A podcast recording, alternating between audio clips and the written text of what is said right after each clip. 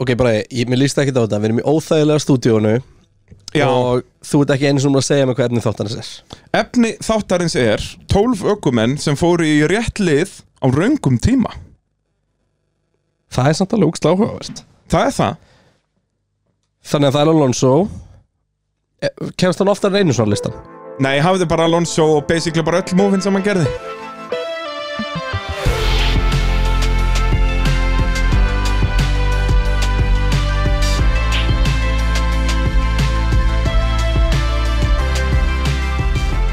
Jú, pitturinn heilsar hér uh, elsku, elsku, elsku fólk Það er komið að uh, já, ykkar þriðudagskamti af pittin Heldur betur allt saman í Nóa Sirius stúdíó og podcastaðurinnar Erum í stúdíó 1 Það er sannilega bara í fyrsta skipti á Spotify sem við höfum verið hér Við lendum oft í þessu á, á Patreon þáttunum Já. að koma hérna út að þá erum við að taka upp á kvöldin þá er Já. eitthvað meira að gera hérna í kopavíunum Þetta er nefnilega, þetta er svona þannig, það eru tvö stúdíó hérna í, í Nova Sirius uh, stúdíó í podcastöðurinnar og uh, við, sem sagt, vegum okkar heima við, við skulum bara Já. ekkert fara á, á, á, frá því Alltaf bara klukkan 11 á þrið og líka við erum stærsta podcastið hérna, þannig að það er svona Boom. ákveðið turf war, þannig að við erum búin að vera með leiðindi við Já, alla hérna og bara ef ykkur bókar þá ringi ég hann og Já. kýla hann í tennirna sko. og við eigum bara hádegið á þriðutum, Já. það er bara heilagt.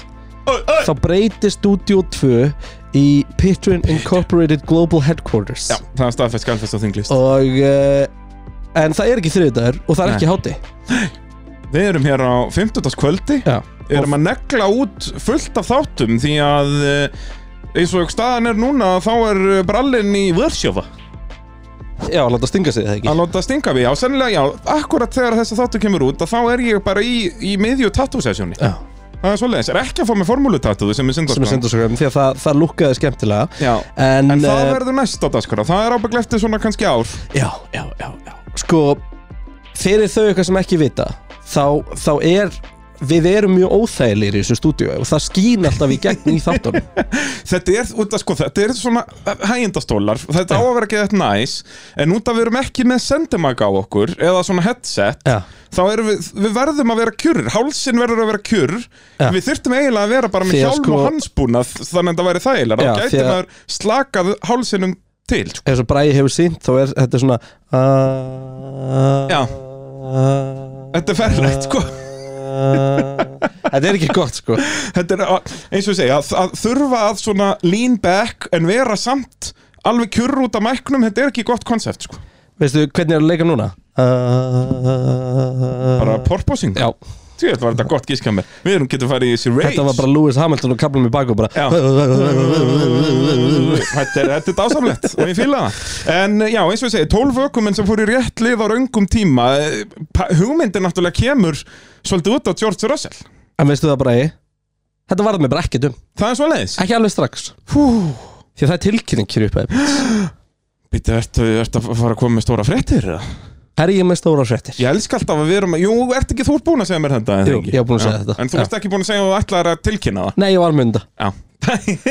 uh, Dömunar herrar Takk fyrir að koma á Patreon Live Fyrir Já. uh, þegar þið hlustið á þetta Einn og hálfri Einn viku og síðan. hálfri viku, Einn og hálfri viku síðan um, Við bræði höfum lengi höfum lengi talað um það að það vanti heimavöll pitsins Já. og málið er það, þetta er ekkert flókið sko. við vorum með eina mjög sterka kröfu á heimavöll pitsins Já. Mhm. og svo krafa var ekki endilega um, um sko þú veist eitthvað, að verða að vera svona mörg sæti eða eitthvað, Nei, þú veist, nei. þetta, það var ekki krafan krafan var bara svo að bæði í ár og í fyrra um leið og fótboltasísunni endar Já. þá byrjar síminn hjá kreinar að ringja Já. og það vilja allir vera vini pitsins Já. en svo um En leið og það er bara- fótboltasísunni byrja aftur Já, já, þá gleymist þetta já. Þannig að þannig er basically bara verið að ná tveimur eða þreimur mánuðum að formúlinu, sko. Já. Þetta formúlinu er frí í ágúst. og þannig er bara hugmyndin við þurfum að fá okkar fólk hérna og sportbærin okkur á meðan að- Já. að að, hérna, fótboltin er frí um, hins vegar þá er uh, ég er bara að reyna okkar allra bestu Já. ég gerum nú ímislegt að það Já, þarna spilaru tölvuspil og lýsir tölvuspili og ég veit ekki hvað Já. um, og tala um fótbolina og tala um formúluna og hérna í frá verður, er það bara staðfest að bara alla tímantökur og keppnir og örgulega æfingar líka þegar vilja Já, verði í beinni útsendingu það verður st bara stjanað Já. við pitgrúið og uh, Arena ætla sér bara að vera heima öllu formúlunum í Íslandi og veistu það, ég bara Svo mikið virði það mynd- og já. ég er bara til í það Þetta er, ég hugsa eftir Silvestón að ég skelli mér bara eftir útsendingu og fæ mér eitt kaldan veistu það ég, er- ég, það, er, ég, það er engin bönd sem binda mig Nei, og nákvæm, heyrðu, já, þú ert náttúrulega free man já, í nokkra daga Já, nokkra dag um, þannig að ég, bara, ég mæti með þér Ég held það Kíkja á en, stemminguna en það er svona svolítið hugmyndin að uh, það verði heimavöllurinn okkar við Já. ætlum að taka upp live sko, podcastarinn á milli Liverpool og Manchester United sé að spila Ég, þá fara mestaröldina þau bara inn. Þá þá fara þau bara inn Já, það er bara lítið, það er minna svæði þar þau fara bara þangað það, þau fá ekki formúlusvæði formúlan nummer eitt Það er nefnilega vandamæli og ég skildi aldrei, ég var alltaf að begga því svo mikið bara, það er allir þessi staðar að tala við okkur, okkur gerum við ekki eitthvað á þessu heimaðalli Já, en ég er bara maður Já. prinsipsins Já, og, síðan, og, og þó að þú myndir segja við eitthvað sem á eitthvað sportbar bara heyrðu ok, en þá voru formálun alltaf að vera okkur stóru skjá, já, myndi segja já, þá var hann að lofa upp erminn á sér, út af um leið og Liverpool manni var á sama tíma, þá bara getur hann það ekki Já. En Arena, þeir eru okkar menn Já, út í að þetta er ekki beint sportbar, það er ekki pælingin Nei. En býður upp á að geta haldið þessa ívenda Já, og geggjaða bara Og og ég geggjaða veit matur líka að sko Ég var beðin um að skila svona lista eftir kvöldin okkar bara um svona hvað mætti betur fara og eitthvað og það verða að mér þess að stemt í að gera þetta bara, að, bara optimum experience Ó, ég fíla það svo mikið sko. og svo veit ég að líka einhverju hlutir að bætast við fyrir kapasfólk á þannig að ég vilja segja nátt Já. þannig að þú veist, þetta er bara þetta er geggjaf Já, og, og hérna, þannig að- geggjaða þannig að- sem komið að pitturinn sem komið heimaveg Já, þannig að núna ætlum ég bara að bara segja við pitkrúið, Já. sínum það í verki Já. fjölmennum yfir Silveston Silv... Pældu líka í stemmingun að horfa á Silveston í hóp Algjörlega Út að Þetta er allt Algjörlega. annað dæmi að vera í hóp formúláhuga fólks að horfa á formúlu Þetta er störtla dæmi sko. Herri, talandu Silveston Já, uh, Mjög skemmtileg saga reyndar og ég ætla bara, ég ætla bara að nafngrina viðkomandi og allt ó, ég fíla það uh, Hérna Gunnlaug Karlsson motocross Íslandsmeistari fyrrum Já, Rakst- og fyrrum lýsandi á formúlu Nei, Nú, nei, var það, er það ekki rétt hjá mér? það er Kalli Gunnlaugs Já, alveg rétt Bi Gulla Það er, já, hvernig læti ég, já Það er rétt uh, Ég rekst á hann í ger Já. Bara fyrir tilun Og við fyrir að spjalla Og ég heldur bara Herðu Nú er þetta alltaf og- og Náttúrulega reykur hérna uh, Merkingafyrirtæki mm. Sem að minnir heita merkistofan Ég, ég bara versla þar Ég hef aldrei, ég hef aldrei eitthvað pælt í því Já. Allavega uh, Frábært og, þú veist, og bara allt mótsportfólk hérna, Og ég held að hann og pappa séu saman í eins og eitthvað Já, eru þið Og- ekki alltaf að gera svona kitta mótorhjól og svona dót? Já, þeir náttúrulega eru ka- bara mótuhjóla Já. fanatik sem er vittlust sport en ég gefði það, ég virði Já, það já, umfram, þetta er- þetta er allavega umfram við þér. flest allt annað hitt Ég segja sko. það en, en hérna um, hann ætla að gera fána það er verið að gera fána Og þetta var bara þá hittirinn randomly já, og því ég var búin að gleyma að gera Að fána sjálfsögðu Og það er alveg bara allt í eins og mig, ég. herri, vá, hann er eitthvað, herri, ég á ekki að gera limmu eða eitthvað ég bara, jú, já, gerum það þannig að sko, ég og Kvati, við tölum saman í dag Já, og, og því ég veit að þú elskar hópspil svo mikið ákveði að bjóða þær ekki inn í hópspil Já, um fánan um, en við vorum að velta því fyrir okkur sko. en það ke- skiptir ekki, ég er búin að mjúta ykkur Þannig að þið hefði getað Nei, talað þetta var um- nýtt, með gulla uh, Já, fú, eins gott, það byrst mér ekki það Eh, en þá var fyrir ég að pæla, þú veist, erum við að setja pitturinn með stöfum eða bara svart með bara hvíta Svart logóinu? bara með hvita Er logoinu það ekki? Jú. Það verður svo heitt sko Já. það er mega cool og þannig að það sé ekki eitthvað svona eh, útlendingar sjá pítúrin og veit ekki Já. hvað er að frétta, heldur bara Akkurat. logoið og Akkurat. fólk bara, á- að- tjóðlega, töff logo Akkurat Og svo sagði Gulli, já, hvað er það stóran? Ég sagði bara, bara, how big can you make it? já, ég vil helst að það sé bara að við getum tekið yfir heila stúku þetta er svona, hann er rifin upp og það þurfa allavega fimm manns að halda á honum sko. Og svo þurfa þessi fimm íslendingar sem verður á keppni svona taktist að kaupa sér miða á réttum stöfu til þess að geta og svo bara heil stúka sér ekki neitt að kemna þetta er kolbygga svartur fáni Já. dásamlegt Eh,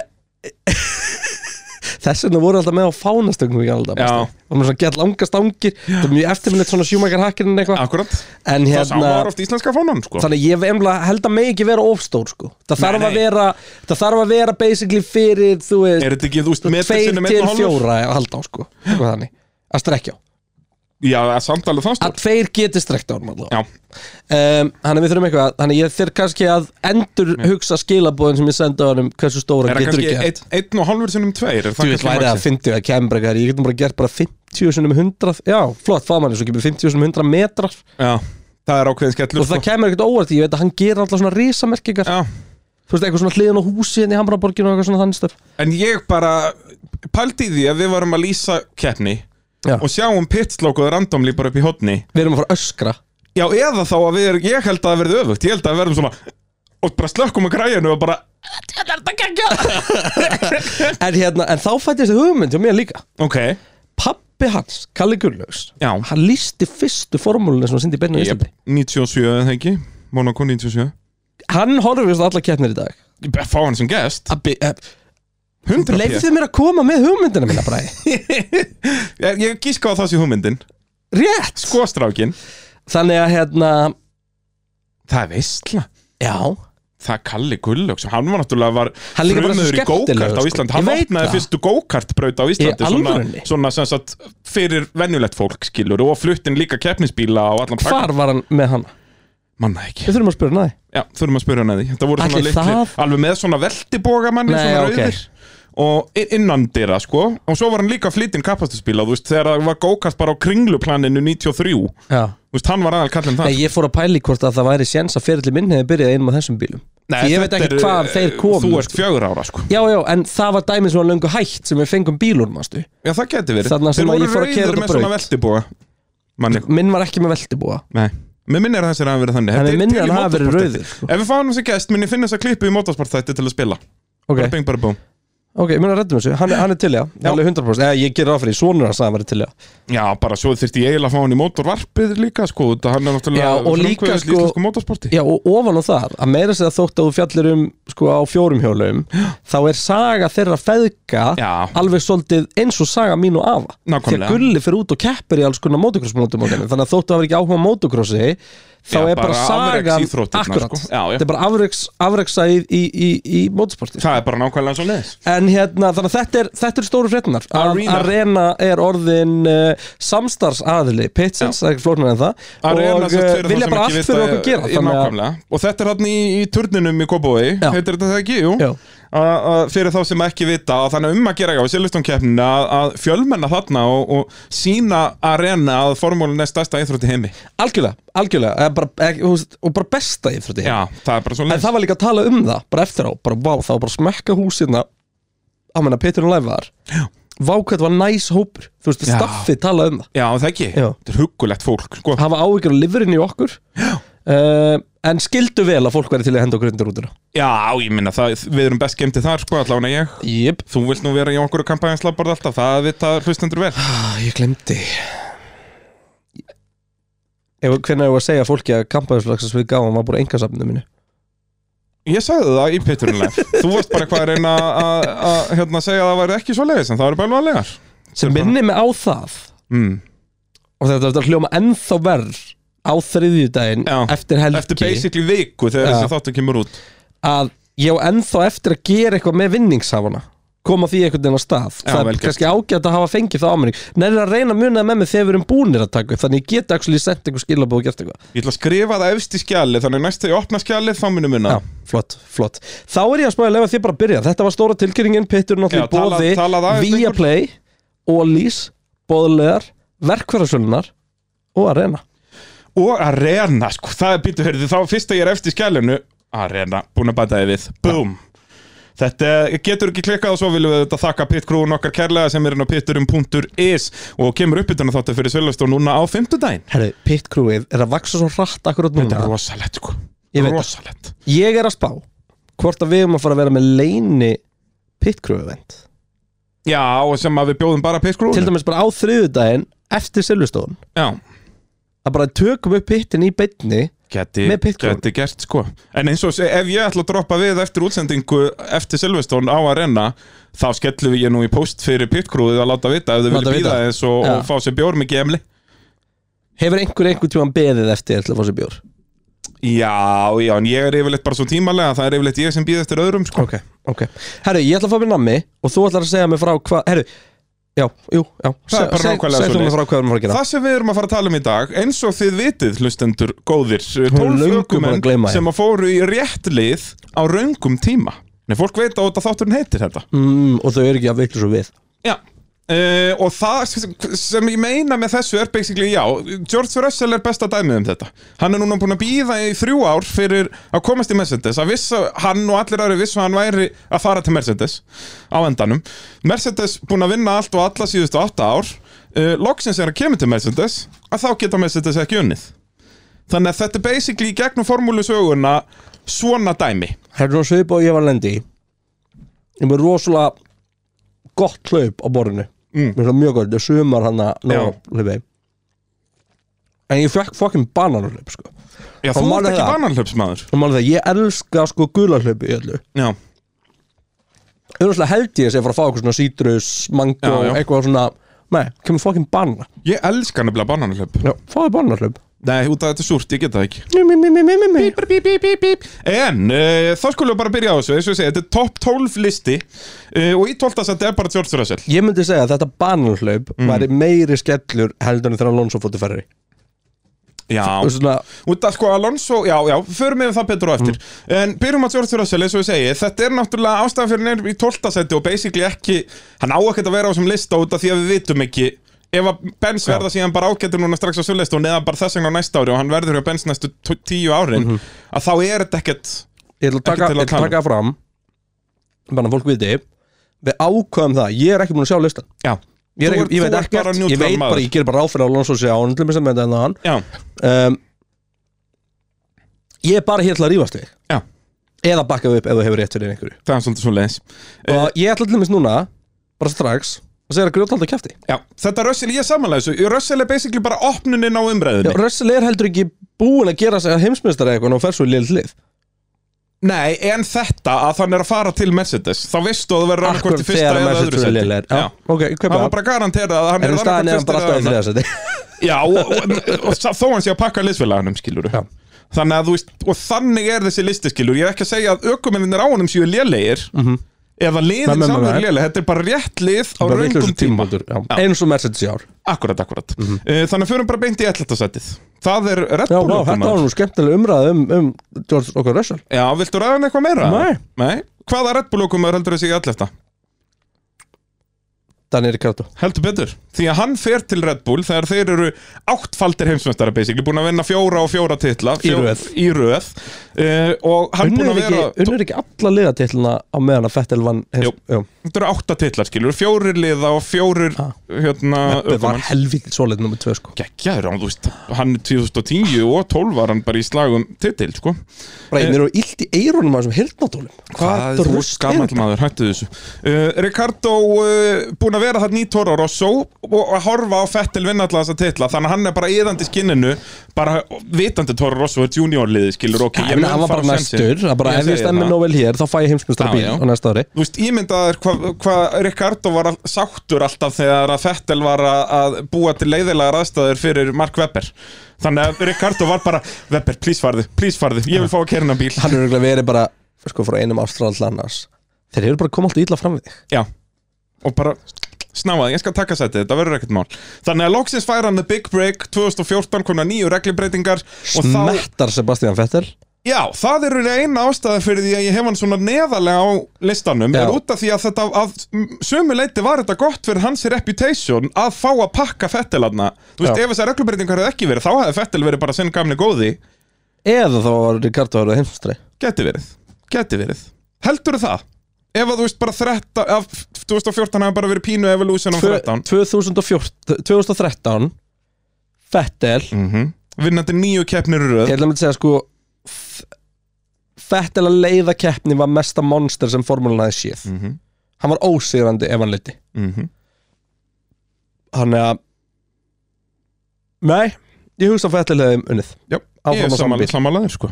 það var bara, Hann líka masteraði þetta blónd diffused út allt saman já já og bara, þú veist það, þessi reglubreiting, þú veist setur hann pínu út af læguna þannig svo að liðið sé lélegt slæra hann endanlega utanundir svo bara verður hann búin að tapa fyrir ekki orðan okkur Svo sinnum og þá líka- svona hann vissi að það verður bara lost cause Já, svo erum við náttúrulega líka bara búin að sjá það í setjum tíð að Fettel líður miklu betur sem sko að berjast um sigur heldur en einhvers þegar ykkur midfildi Já. veist, midfild ítir undir veikleika Sebastian Fettel og lætur hann eða sko, kannski ítir ekki undir veikleika en það, þegar Sebastian Fettel er að berjast um sigur þá er hann bara skrimsli Eh, En náttúrulega, stóra aðstæða fyrir að Red Bull voru sökkuðu svona 2014, það eru turbo hybrid reglurnar og runamóturinn þar var bara sorg Tjúvill væri ég til að fara aftur í tíman og bara vera með kosmofíli í þessu öllu Já. bara, bara vita, þú veist, ég er bara svo forvitin Og Var svo Red Bull meira að bíllinn segja- ekki betri? Ég veit hann ekki Nei. þú veist, Red Bullin var alltaf dragi sko. Já, já, þú veist, það, það, það En ég meina, hjálpaði þeir- ekki runumótunum Nei. hvað það var með mikið downfor sko. Já, nei en þú veist, þessi nei, ég veist ég hugsa með þetta sem hefði hann funnið sko. Já, það var náttúrulega styrla Sögulega er þetta næst besti Formule 1 bíl ever 2014 Já, en, Mercedes. ég meina, en samt, ef við horfum á það núna til dæmis í ár, það sem þú ert með Ferrari og Red Bull hann á topnum um, þú veist, það er engin annar nálagt þessar reglubreitingar, Nei, nei, þannig að þú veist mögulega var bara eitt lið sem að hefði getur nált, sem að í þess til var Red Bull mm og restin af runobílunum voru náttúrulega hrikalir á þeim tíma Já. um, Nei, síðan betur, voru- voru þeir orðnir einir hmm. var Lotus þarna en þá já, Lotus já. var aldrei hægt nei. Lotus og- Eða, Lotus Runo Og Caterham var líka heldur já, þeir voru með Cosworth mótor Ah, Alveg ekki turbo Var, gerðu Cosworth turbo, turbo, turbo hybrid motor? Ég held ekki Jú, var Þetta ekki, Cosworth var var ekki hægt þarna. pointið með reglubreitingunum að það átt að vera til nei, það var Nei. 2009 Já. reglubreitingarnar það, Ég held að Cosworth hafa aldrei gert turbo hybrid motor Marussia og það er 2009 bara Já. Tjúvillir var langt síðan Heldur betur En þá var einmitt, þá sagði formúlan Við verðum að vera með eitt standard spec mótor sem allir Já. geta keift á okkur Það, X ver, verð það verður að vera fyrir, fyrir aumingjan að verða að geta keift eitthvað Undan annars endar þetta bara eins og formúlinn í gamla daga þegar bara 107% og það, það reglan er önnur hverju vantalega keppni. kom við hliðin á því að, að þeir voru að fjölga liðum og, li, og vélaframlinni vildu ekki supplya fleirum þannig að þeir þurfti að leysa það einhvern veginn. Já. en svo er Turbo Hybrid dæmi allt og flókið dæmi til að segja, herru Kosovo, það er til að gera vel upp og vona og óvona einhver kaupana Já. Og, það, og það er ekki neitt gein í því fyrir ykkur eitthvað að þróa eitthvað, eitthvað Nei. turbo, eitthvað hybrid tækni skilur MGH, frábært Já, gekkja, þið getur notað það í göttubíluna sem þið eru ekki að smíða Mm.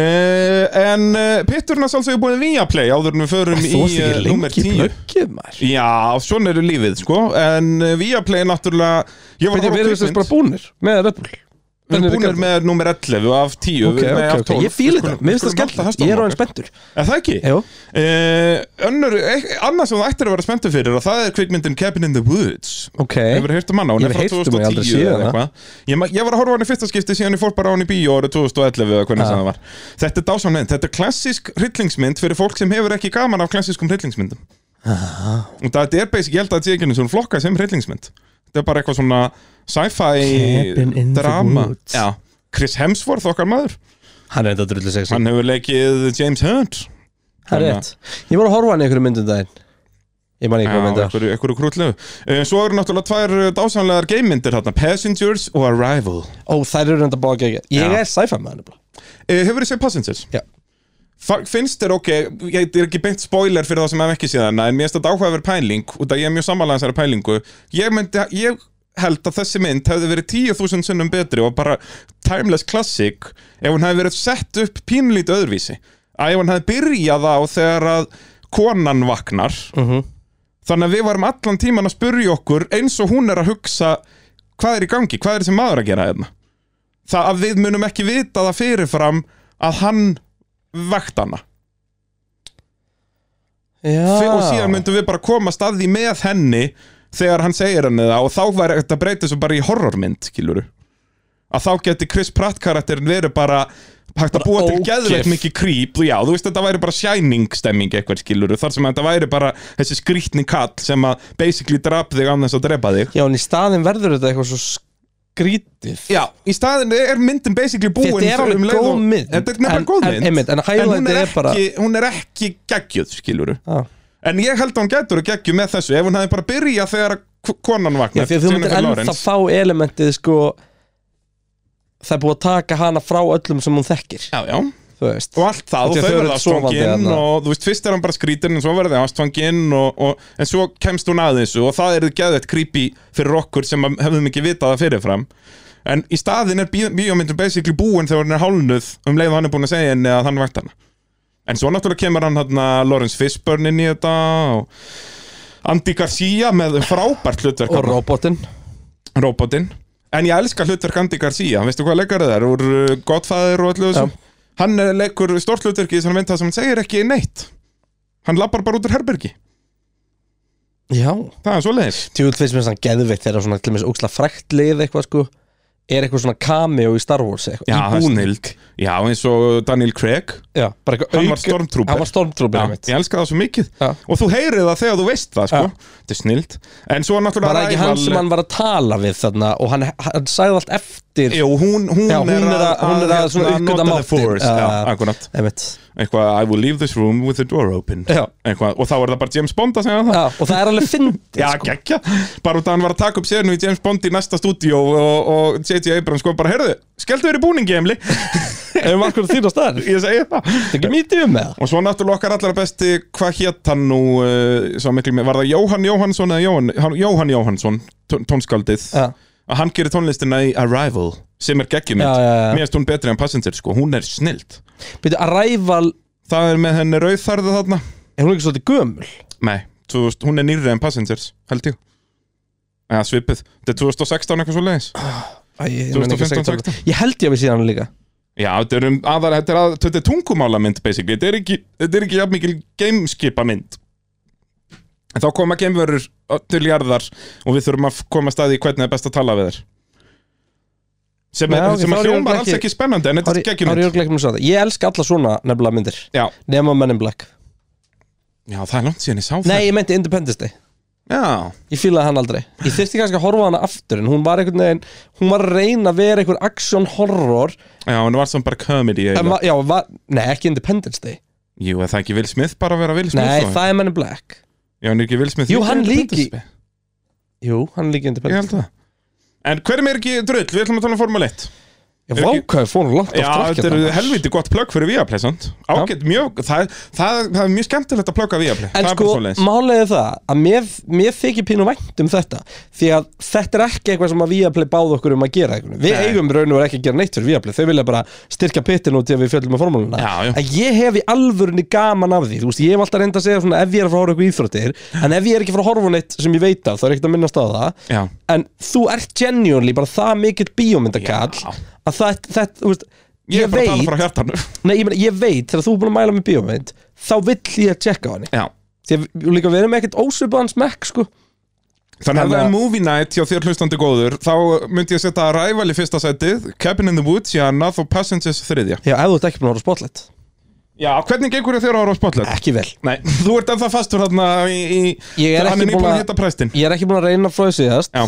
En uh, Nei, þetta kemur já, ég er að fara að horfa á hana sko Því að Óskarsvæðan mér finnst hún svo áhugaverð sko. Já Hefur tekið eftir hvað hún er dásamlega grá og, og leiðinleg on purpose Hún er svo þunglind að það hálfa verið nú sko og það, ég held að eh, þessi startdirektorinn hafi unnið Óskar fyrir bara að listalega gera þetta grátt og leiðinlegt Já, hvað mennir á, fara bara eitthvað að herðu hérna Hver er hérna saturation Já. Tökum það niður um tíu alveg, já, já, engin kontrast og ekki neitt og bara alla skýrtur eru gráar og, en þú veist, það er málið að artdirektor að þú gefur hann verkefni, heyrðu, þú ert að fara að gera Star Wars látt alla vera eins bjánalega að þú getur gest þá allir artdirektor geta gert það basically, já, þú veist, nei, auðvitað Já, ekki en ég þú veist geti hvað gert það meina. misvel, já, já, ég þú fatta veist það. hvað ég meina en artdirektor sem fær það challenge láttu allt vera eins venjulegt og hægt er og svona frekar boring þá þarf það að vera helviti góður Vá, þú segir það, allt umhverfið þarna er ekkert eðlilega bóri Já. Svo Allar skrifstofan þeirra skrifstofunar allt bara- ógeðslega bóri Allt svona, það er engin kontrast í neinu og þetta er bara, og, en þetta er dásamlegt sko. veistu hvað við erum alltaf í nortnir Við erum sem movie eitt, buff. sem eitt vin, vinsalasta podcast á Íslandi Já.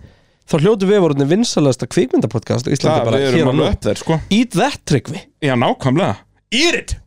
ég er þetta búin að hlusta á þá hann að heimabjó, Já, er það Gucci? hann er bara drullu fyrir þú hefði gaman að því, Já, á 100 pjö, ég þarf að tjekka á því þú tjekka það Er þetta tryggvi er ekki- alltaf indislegur, Já, tryggvi sem er mér í Já, ég gemti segi það, hann er mikill meistari og einhver vinnur hann sem að Já. tekur að sér að vera leiðilegu við hann svona eins og við erum Já, ég á fíla það, mánudum, ég þú veist fíla það þurfti ykkur að cover nú erum við í sumafrí gemti við og hérna, Ah, Já, hann þarf alltaf að hafa eitthvað svona sem er leiðilegur ok, tryggvi er náttúrulega leiðilegastur sko. Já, hann þarf, út að hann er of næs gæi, sko en Það verður eitthvað að bring him down to earth, sko Eh. Heyrðu, eigum við að halda áfram, við erum bara komin í Já, tíundasætti sko, höldum áfram. þetta er djöðsvesen uh, Í tíundasætti er Jarno Trúli til Jordan árið 2000 því eftir 99 þá sökkuðu Jordan Já en fyrir það þá var eitthvað potential þetta Jordan var bara búið að vera stöður upplið bara Jordan frá var því þeir basically bara komu að vera fyrst- svona Red Bull í gegnum Mercedes árin Já, basically, eða bara Red Bull frá því að Red Bull var stopnað og unnu fyrsta titilin basically, að þeir voru bara alltaf að verða aðeins betur og aðeins betur og aðeins betur, þangað til að Hans Harald Frensen fer allt í hann að bæra sem titil árið 99 Já. sem var bara stórmagnað og Trulli sömu leiðis, hann var í alveg svo Jordan búin að vera á massífri uppleið, búin að vera að keppa þarna í einhver þrjú ár uh, náði mögnuð velunapalli með prostliðinu á Núrburg 99 sem að var eitthvað sem átti bara ekki að vera hægt Já. þannig að, að eh, þetta átti að vera bara matchmeitin hefðin, Trulli mættur til Jordan og, og báðir Allt að einhvern veginn gerast. að píka eh, en þarna árið 2000 og byrjun aldarinnar þá er þetta vörks tímabil ef það er að orða það þannig að byrja í formúlinni Já, þannig að þú sturlaðir verður peningar. já, að þú veist, þú þarft að hafa engine supplier sem er vörks sem sem gerir bara vel fyrir þig okay. Þú veist, þarna var það að vera svo svakalega stert þannig að koncept eins og Jordan var með að vera bara svona basically eins og formúlu 2 lið það gekk bara ekki upp og þeir voru bara með þessa mjögjan Honda-vél þarna sem var allt og þung og allt og lítið power í og bíllinn bara ekki góður heldur bíllinn var allt og þungur og yfir tímabilið reyndu þeir að leta hann og leta hann og leta hann og þá byrjaði hann bara að bila og bila og bila þannig að þetta var allt bara alveg ama- agalegt sko Já. uh, Trúli alltaf geggjaður í tímatökum á þessum bíl hann var alltaf, og bara Trúli er líka svona tímatöku aukumæður þannig að þú veist hann að öðru sætti ráspól í Monaco og, og uh, var í þriðji eitthvað starfnæstin í tímatökum og svo var hann bara basically eins og haseru í dag fór bara í bakkir í keppninni bara ekki vottur reispeis í þessum bíl og ég held að þeir hafi liðið hafi enda sjöunda eða eitthvað á þessu tímabili og, og allt í steik og raunin að mesta syndin við þetta á þessum tíma já, í ferli Jarnar Trulli var að þetta var basically annað skipti á ferlinum sem þetta gerðist hjá honum því að hæpið í kringum Prost þegar hann fær sér satt fulltime samning þar 98 hjá prostliðinu já, var hæp einhvern veginn kringum prost já, það var mega hæp fyrir Váka ég 98 man bara eftir prost sem bara mjög Ég veit það. mediocre liði út af því að þú varst ekki að fylgjast með fréttum fyrir tímabil árið 98 skiluru þú sást bara kjarnina sjálfa og sást bílinn sökka Voru þeir sérst bara að óna í æfingum eða? Nei, en þú veist, bara fyrir sísón var hæp út að þeir voru að fara að fá uh, runopenninga inn Þetta var Alan Prost Ég sjálfur voru að fara að vera eitthvað svona semi-works Já, og 97 voru þeir náttúrulega búin að vera góðir miða við að vera lítilið, skiluru Og síðan voru að dælast inn peningarnar 98 Þá semst trúli var búin að kera hálft sísón 97 Fær svo fulltime samning 98 Geðið mikið hæp og bíjan, síðan mun allir hvernig Prost var Þetta var bara drep Þannig að uh, Það er svona það fyrir hann líka til Toyota sem hann var alltaf næstu í Já, þannig að hann var mikill eh, En þú veist, auðvitað hann fór til run Og þar sem hann átti að gera betur, skiluru Já, hann var samt number 2 í Alonso þar var það ekki Jú, jú, en ég meina ef að vi- Ef að trúli væri meistari að Þá hafði hann orðið meistari Já, hann var var bara svolítið einn svoleiðis. sigur Já, one hit wonder, kallið minn Það eru Monaco tveir 2004 Það eru tveir One Hit Wonders á listanum hjá mér Það er svolítið svo leiðis En skellum okkur þá yfir í níunda setið Því þar er okkar allra besti uh, Sennilega sá ökumann sko miða við að ég segja að tala um árið 1994 Þá eru sennilega margir hlustandi sem ekki Þá veit ég ekkert hverju þetta er, þetta verður leiðilegt En ég held Ég held að fara svo langt að segja að allir hlustendur pitsins Viti hverju þetta er Eh, Þetta er Martin Bröndul Það er hárétt hjá þér Martin Bröndul til McLaren árið 1994 Oj, já Það var nefnilega agalegt út að hann neytaði alveg þó nokkur mörgum liðum til að fá sætið hans aftan Senna hjá McLaren. Þarna er Senna að fara frá McLaren yfir til Williams og Martin Bröndul náttúrulega búin að eiga eins mikið með feril og bara hægt er í formúli, skiptum lið eftir nánast hvert einast ár, hætti í formúlinni í tvö ár og fór bara í sportbílakappastur og Le Mans og eitthvað kom svo aftur aftur í meðalmennskuna uh, en uh, Já, ekkert, ekkert til að rópa húrra fyrir McLaren voru náttúrulega endalaust að reyna að ná Alan Prost Prost var hann að búin að vera meistari með Williams sagði strax eftir tímabilið að hann var hættur en McLaren voru, þú veist, og Ron Dennis var mikið að vinna með þetta að toga fólk út úr retirement, þú veist, eins og hann gerir með Nicky Lauda og fleiri og Nigel Mansell árið eftir hann var mjög segur við þetta, sko, að- að plata fólk aftur í formúluna En uh, Prost, eftir þú veist, yfir veturinn var mjög líklegt að Prost myndi fara aftur til McLaren en sérstaklega út að Senna var að fara náttúrulega, An allt annað hefði ekki gengið en uh, að lokum þá uh, sagða nei þannig að Bröndul fekk sætið uh, en svona síðustu tvö ár hjá Bröndul, þá bæði hjá Benetton og Ligier, Ligier er síðan liðið sem að varðað Prost Uh, þá var hann bara mjög góður náði alls sex velunapöllum hann og var sjöundi í mótinu 93 og sem að hljómar ekkert mjög Þreytt hann á spes aldrei sigurinn samt Já, en að vera í eh, sjöundasæti 93 var nefnilega mjög merkilegur árangur því að hann var lang efstur af þeim sem að voru ekki með active suspension Ah. Þarna Ná, 93 náttúrulega var aktiv þú Williams er með aktiv og Já, og æ, allt þetta. basically all toppliðin með aktiv uh, En Lítsjér voru það ekki Og, og Bröndul var langkraðastur þeirra sem var ekki með þessa aktiv fjöðrun Þannig að þetta leit alveg vel út, hann til McLaren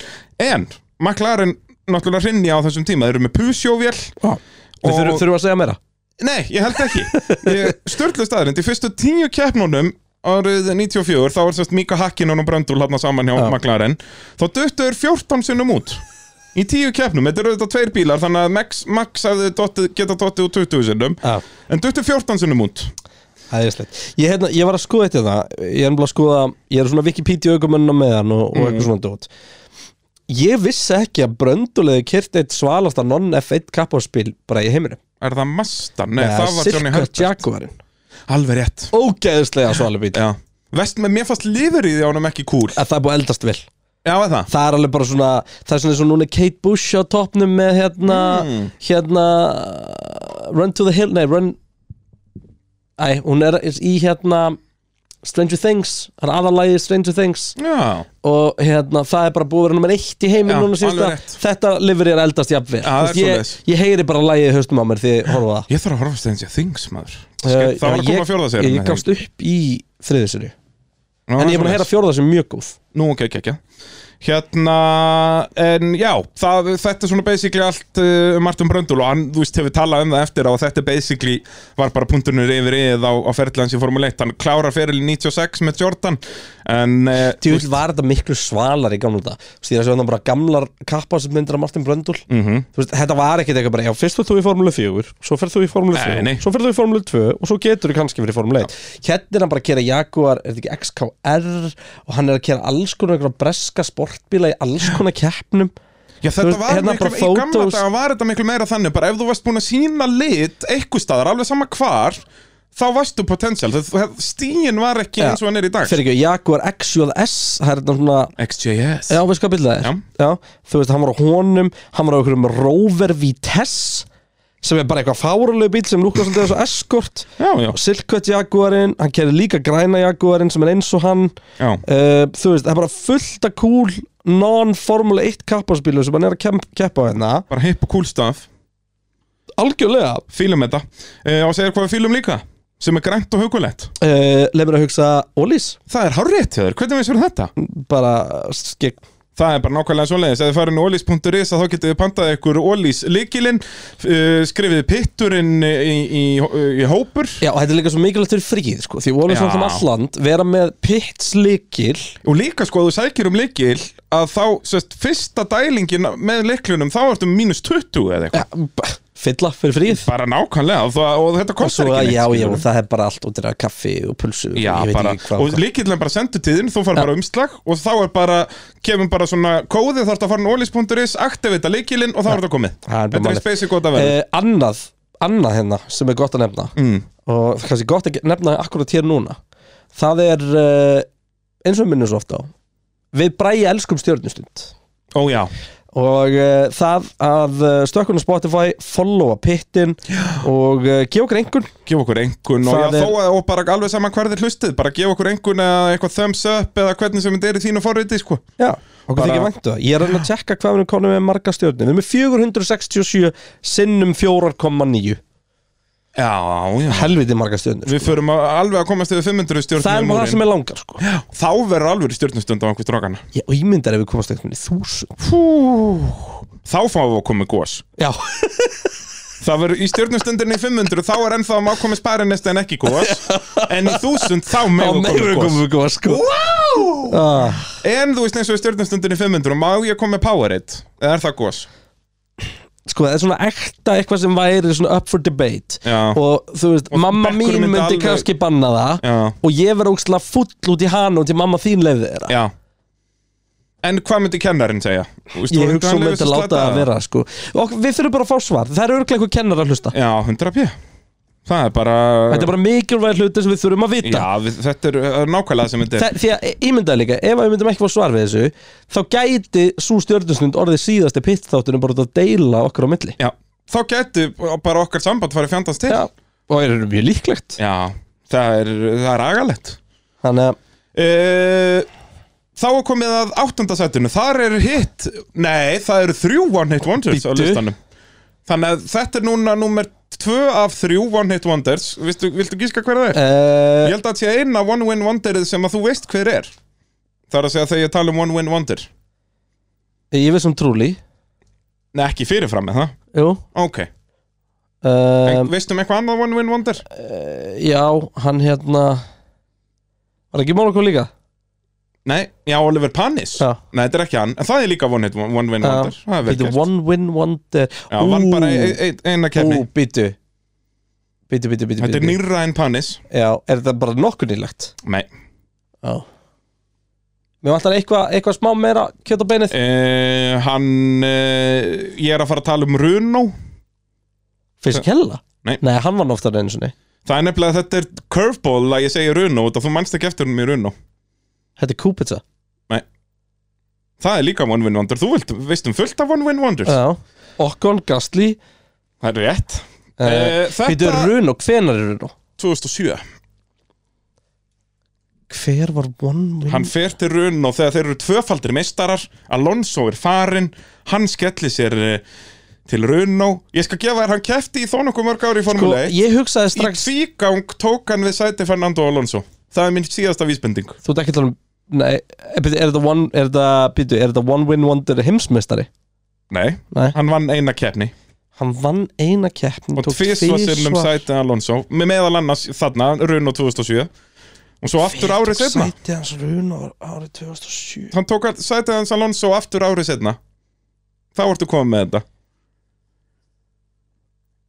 hvert fór Alonso 2007 Hann fór til maklarinn og hvert tók svo sæti hans hjá McLaren fyrir 2008 sísoni, liðsfélagi Hamilton og vann eina keppni árið 2008 Hækki Nei. Heikki Kovalainen Vann Hækki, já hann vann í Ungverjalandi Alveg þegar rétt allir tuttu út þannig að hann er eh, Ungverjalandi er mikið að búa til Hækki One Win byrjaði Wonders hjá runa Já, og var testrafir á Runo í tvö ár sko. Já, já. Sest, hann er bara að horfa á Alonso vinna alla titlana Kollegi okkar Kollegi okkar, Heikki Kovalainen hann er að horfa á Alonso vinna báða titlana þarna sem testrafirinn hann er búin að keira Já, 15.000 sko, mílur á young, þessum bíl young upcoming testur Já, Þú veist, bara hann var geggjaður. bara, hann var bara búin að berjast við Hamilton í næri flokkum Já, og já, eitthvað, var í sko. öðru sæti í GP2 held ég sama síðan Hamilton vinn Nei, það er aðeins fyrr, held ég Ég held sér, já, gamli, sko En ég held að það var, á- hann náði að vera annar í GPT, veit ég, en ég held að það var ekki saman Ég var búin að gleyma að hækki hefði unni Ég hugsaði með hækki í runn En ég áttaði mig ekki á að hann hefði tekið sætið hans Alonso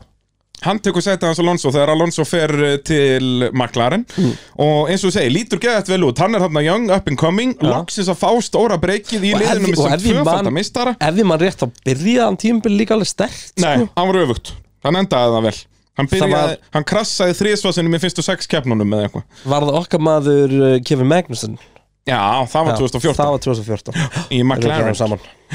En uh, Kevin Magnussen, ég minnist nú á hann setna í þessu, en þó hann sé ekki á listanum reyndar. Okay. En hérna, já, Heikki Kovalainen svo náttúrulega fór þetta allt fendast til því bara án Alonso og Michelin hann var aðalega að missa dekja framleðandan að þá varð Runo bara lélegir, þetta er mjög steikt og það var ekki stóra reglubreiningar eða neitt þeir voru búin að vinna tvö, tvö sísón í röð svo bara, já, missa er stjörnudræðurinn Kovalainen náttúrulega var ekkert spes ökumæður ef maður horfur á Formule 1 ferðin hans þannig að hann var ekki að hjálpa þeim og síðan að þurfa að læra á ný dekk allt þetta einhvern veginn á sama tíma og liðið bara hrundi og náði sér aldrei upp aftur sem er svo magnað að þú veist við horfum á Alpín í dag, þetta eru konungar Já, við erum meðalmenntunar heldur ekkert að tala um sko Þú veist, sagan er alveg til staðar í kappastri sko Já, við vorum Benetton fyrir þetta og allt þetta skiluru Já. En bara ekkert að frétta þarna og, og já, hann endaði sjöunda þetta árið uh, náði einu velunapall á, á Fuji í Japan Vá, þegar var hvað ekki þetta kæft var- á Suzuka Veistu, ég,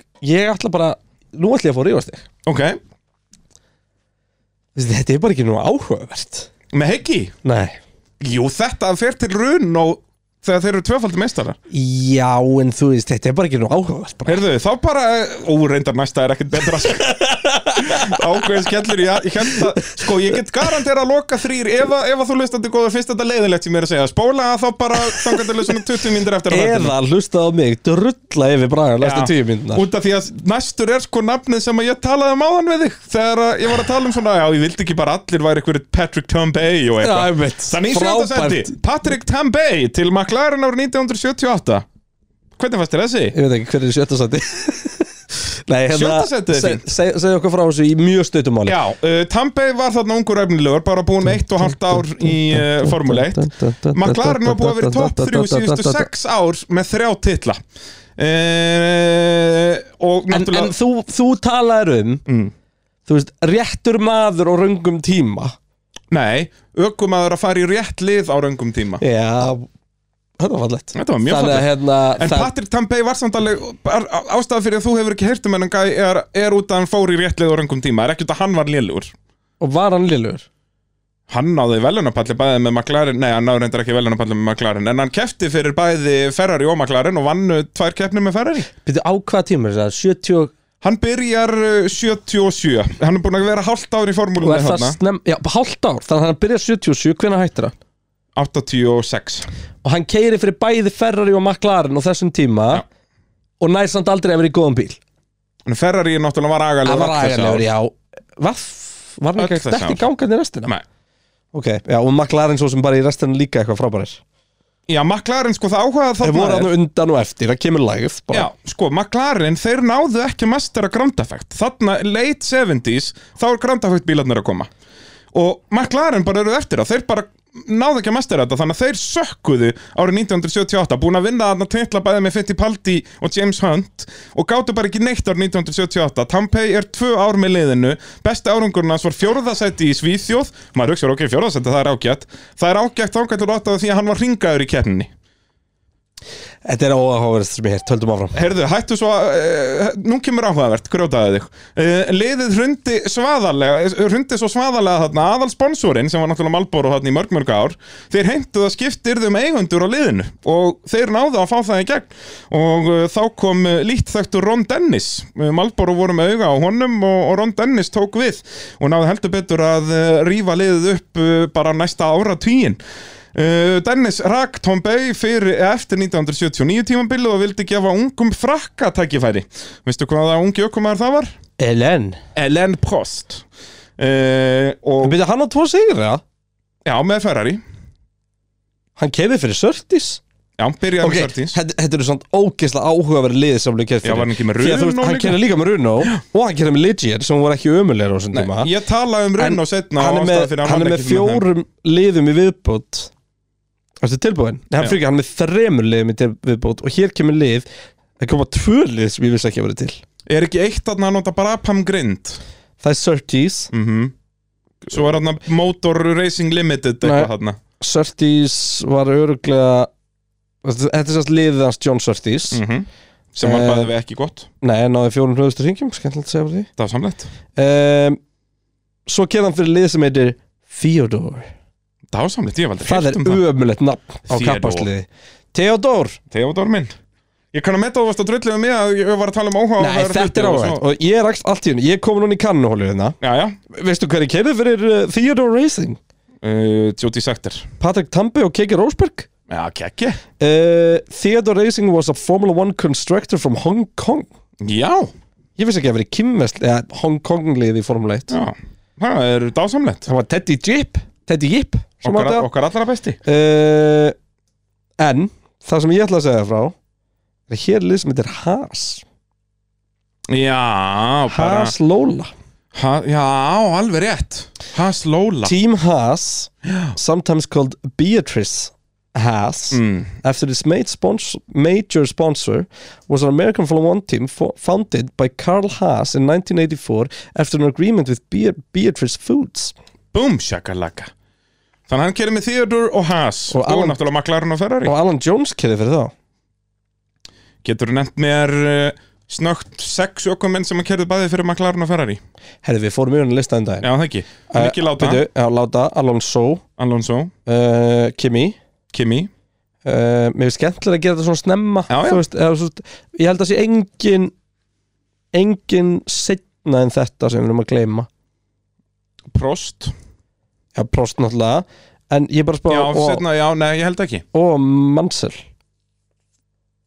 Keri Mansell, jú, Mansell kerði tvær keppnur með McLaren Já, var og glataður. ógeðslegum bíl Já, 95, það er Já. eftir Við þannig að það er erum eftir við konum pulsunum. með fimm Fimm Og svo náttúrulega getum við farið í Patrick Tumbay, vorum að læra hann Rétt Þannig að við erum komið með sex, bara bing, bara Kerði John ekkert um hann fyrir Maklar, nei Sörtís, ég held, nei, þannig svo gamall, sko Þá vorum McLaren bara ekki til eiginlega Já. En það er nefnilega grunnsælega margir sem Það er hafa ógeðslega margir, ég held að þetta sé ábyggli yfir 15 ökumenn, sko Mhm. Þannig að, jú, sérstaklega í gamla daga, þá voru menn alveg eins og ó- óðir menn, sko uh, Verkværasalana sjálfsögðu að styrkja pittin uh, Og það er ennþá 15% afsláttur er það ekki, vefveislun, fyrir pitsfólk gert.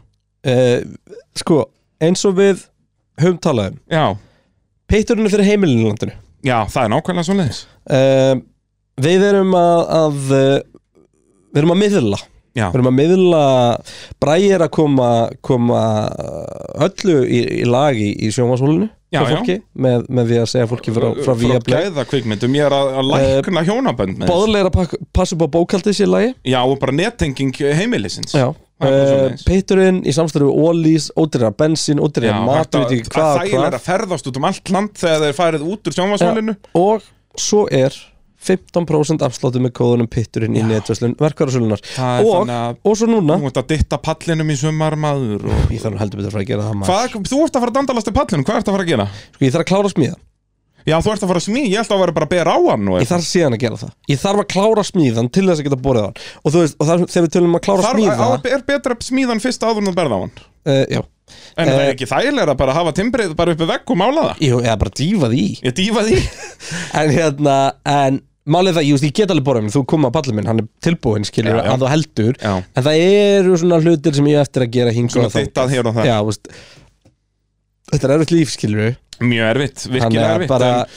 Ég bara- kannski bara kem og kíkja á það á morgun og geður hjálparhönd Hvernig væri það? Og bara allt pitgrúð Já, Fyrir utan að þeir hlusta hann þátt á þriðjur Já, það er ákveðin getur þá Já, ég get örgulega að fyndi eitthvað verkefni Ég er náttúrulega líka að lendi í flóði Já, alveg rétt, já, það er allt húsið þetta er ónýtt Já. Þið eru eiginlega flutt út af pallsóldið Þetta er spurning hérna Það það er spurning hvernig þurfa að fara að lasta tryggingafélagið mitt sko Já, spurning, eru þeir með allt niður um sig það? Ég veit það ekki, kannski verða búin að laga það þegar þessi þáttu kemur út Já, vonandi, En mér vonandi. finnst, mér finnst grunnsanlega látt sem hefur verið að bjóða mér fyrir það að ég þarf að Já. skipta um parkið á öllu húsinu mínu sko Já, það er skellur, e, Já, það er ákveðin skellur uh, Annar skellur, það voru Mark Webber og Nick Heitfeld að fara til Williams ára 2005 bara semlis plögg hérna Þannig ef að þú um, hlustandi góður ert með góð sambönd einhvers staðar Með í tryggingafélag Já, eða, eða í þú veist uh, parketveslun Já Endilega heyrðið mér Heyrðu, ég þarf líka að gera nákvæmlega þetta út af því að ég þarf, ég er ekki ennþá búin að redda mér hvað heitir þetta, út af? ég ætla að byggja kofut í sveit Já. þá þarf ég svona byggingarstjóra Þú gerði það síðast líka Já, en ger, ger, var það í Spotify þetta, var það ekki bara í Patreon þetta Hvað Það er eru með það? fleiri að hlusta núna, þannig að netið er stærra Býtu, hvernig er áttur hlið? Á ég að gera smá auðlýsingar Já, ok, það er svona din, din, Ítt á okkur takka hana, það, hvað er þetta gula? Ég veit það ekki Ítt á gula hana uh, Nei, þetta er ekki rétt Finnur þú gull? Nei, ekki þetta Passaði bara að búin að lækka Þetta, já, þetta er hana, Þetta er fínt, fínt smálískabæti, lækka þetta eins Lakki, En það kemur tal í þetta Já, ég veit það, bara hefur það ekki, ekki svona látt Þú veist, Verið velkomin Nei, nei, nei. Eh, já, við erum velkomin í smá auðlýsingar Pitsins uh, uh, Fyrsta, herri, ég var að horfa okkur þættin daginn sem snúast einmitt um eitthvað svona útvarsmálýsingar Svo fattum maður að þetta er svo prótsað að hálfa er nóg Þetta er ekki sem skemmtilegt að hafa um reality TV En, En. það er komið að uh, fyrsta, fyrstu innhring- innhringingu uh, Já, uh, smá auðlýsingar Pitsins, góða daginn Já, góðan dag, ég er að smíða mér svona, svona bústað Þetta er ekki Og- bústaður, þetta er kofi Já, svona kofi Svona og- hænsnakofi. Og hérna, mig vantar eitthvað svona til að kvitta okkur að papíra sem svona byggingastjóri Eða svona í hverju fælst þetta, Kristján, veistu það? Nei, en uh, ef að það er þú, hafðu þá sambandi Braga Ég Þorásson óska eftir aðstof með þetta, ég held að þú þurfur að vera eh, smíða meistari En sko, með þú tala svona, þá heldur fólk að þetta grínast Já, Þeir en ég er vantar ekki þetta í grínast. alvörunni Já. En þarf í alvörunni að fá byggingastjóra á hensnakúa Já Og þetta er eitthvað sko, ég veit ekki hvernig það virkar, þetta er náttúrulega ábyrð, þú veist, út að ef að síðan ef ég dey þegar að eitthvað timburdrast dettur honum eða þá fer Það- við, viðkomandi bara í fangelsi. Nei, það er enginn að fara að sækja það Nei, og það mun enginn finna með hann að dauðan líka fyrir næstu bara svona 30 ára eða eitthvað sko, þannig að við erum ekki miklar á að gera Nei, nei. þessu Þannig að ef að þú, hlustandi góður, ert uh, með meistarréttindi sem smiður og hefur áhuga á að hjálpa bjöhundunum með að kvitta á okkur á pappíra og segja mér hvernig það fungerar endilega heyrði mér á Messenger Já. Ég heiti Bræði Þórðarsson En þú skoðar aldrei messenger request Nei, en þú veist, Kannski ég sé gera það núna. þá kannski eftir hálft árið eða eitthvað Bara- Skildu það eftir símanum Já, skil En uh, já, þá er þetta plögg komið og þá getum við farið í nummer 6 sem að eru Mark Webber og Nick Heidfeld til Williams ára 2005 Veistu hvað ég var þess að til í? Hvað verður þið til í? Svona fyrst verið mjög svona smáhalsingum Það er Það ógeðslega voru marg- hættir í því, ég var Nei, að tala já, um Mark já, Webber já. og Nick Heidfeld Já Varst, Já, mér er alveg saman þá Mér finnst þetta skemmtilega hugmynd Hérna, við ættum að lýsa eftir einhverjum svona fáránlegum hlut Þú veist, ég væri til í eitthvað svona bít Þú veist, við, þú veist hvernig fólk hefur svona að býta þessu upp í hús Já, Ég væri til í að gera það live í pitinu Bara í byrjun þáttar væri bara Byrja eitthvað bara- Herðu, ég á með paperclip, bara hvað, hvað er ég með sem ég get treytað hérna bara þessi uh, uh, dós Eh. Það hafði strax 15 konundur í henni Nei, við- það þarf eitthvað betur, þú þurfum að finna eitthvað gott Eitthvað, eitthvað, eitthvað heimskulegt Þetta, eh, þú veist, ég hef næstu Gætum- verðlað high output eh, Cherokee motor bara í gegnum Ak pittin Akkurat, við gætum það sem ég hef blásbákvort, við gætum treytað þessu upp og auðlist eitthvað, fólk má senda á pittin þá bara, þú tillögu Já, þú veist hvað með að við byrjum á ég á tvær pittstyr húr heima original pittin og við viljum ekki, við, við erum ekki að selja Ertu hana ertu ennþá að sitja á þessu? Ég veist, þetta er bara mínar Já, af hverju áttu tvær? út af því að önnur svona, er með svona flostnu upp merkinu þú veist bara eitt band sko, ég Mm. Já. nota hann alveg Já, hann getur Og ekki svo- kiptað í burtu svo minnum ég að ég hafi tínt annar og fundið hann sem aftur setna því að byrja að nota Nei, hérna sko mína. um, Allavega Pitt styrhúa, up for trade Tökum við tilbúðum Þangar til í þriðutastættinum eftir Silvestón Treytum einhverju Já, Þa- já, fá eitthvað í og þa- skiptum Og þá sem er bjóðum talið við aðeins það betra Þá bjóðum við Þanga það til að vendum bara með nýjar höfuðstöðar pitsins Bara fáum yðnaðar bíl í Satt í, hafnafyrir satt í alvörunni Ég held að þetta getur skemmtilegt Já, eh, en þú veist, þetta er auka vinna og það hefur ekki komið sér vel fyrir okkur þegar við erum með sko. svona auka Jú, ef verkefni, þetta er eitthvað svona sko. Ég meina, þetta er, þú þarft að fara eitthvað Nei, nei, nei, nei, nei það, er- við erum deliver only, sko Já, er þetta bara fólk verið að skilja þetta eftir á planinu hérna fyrir utan eða?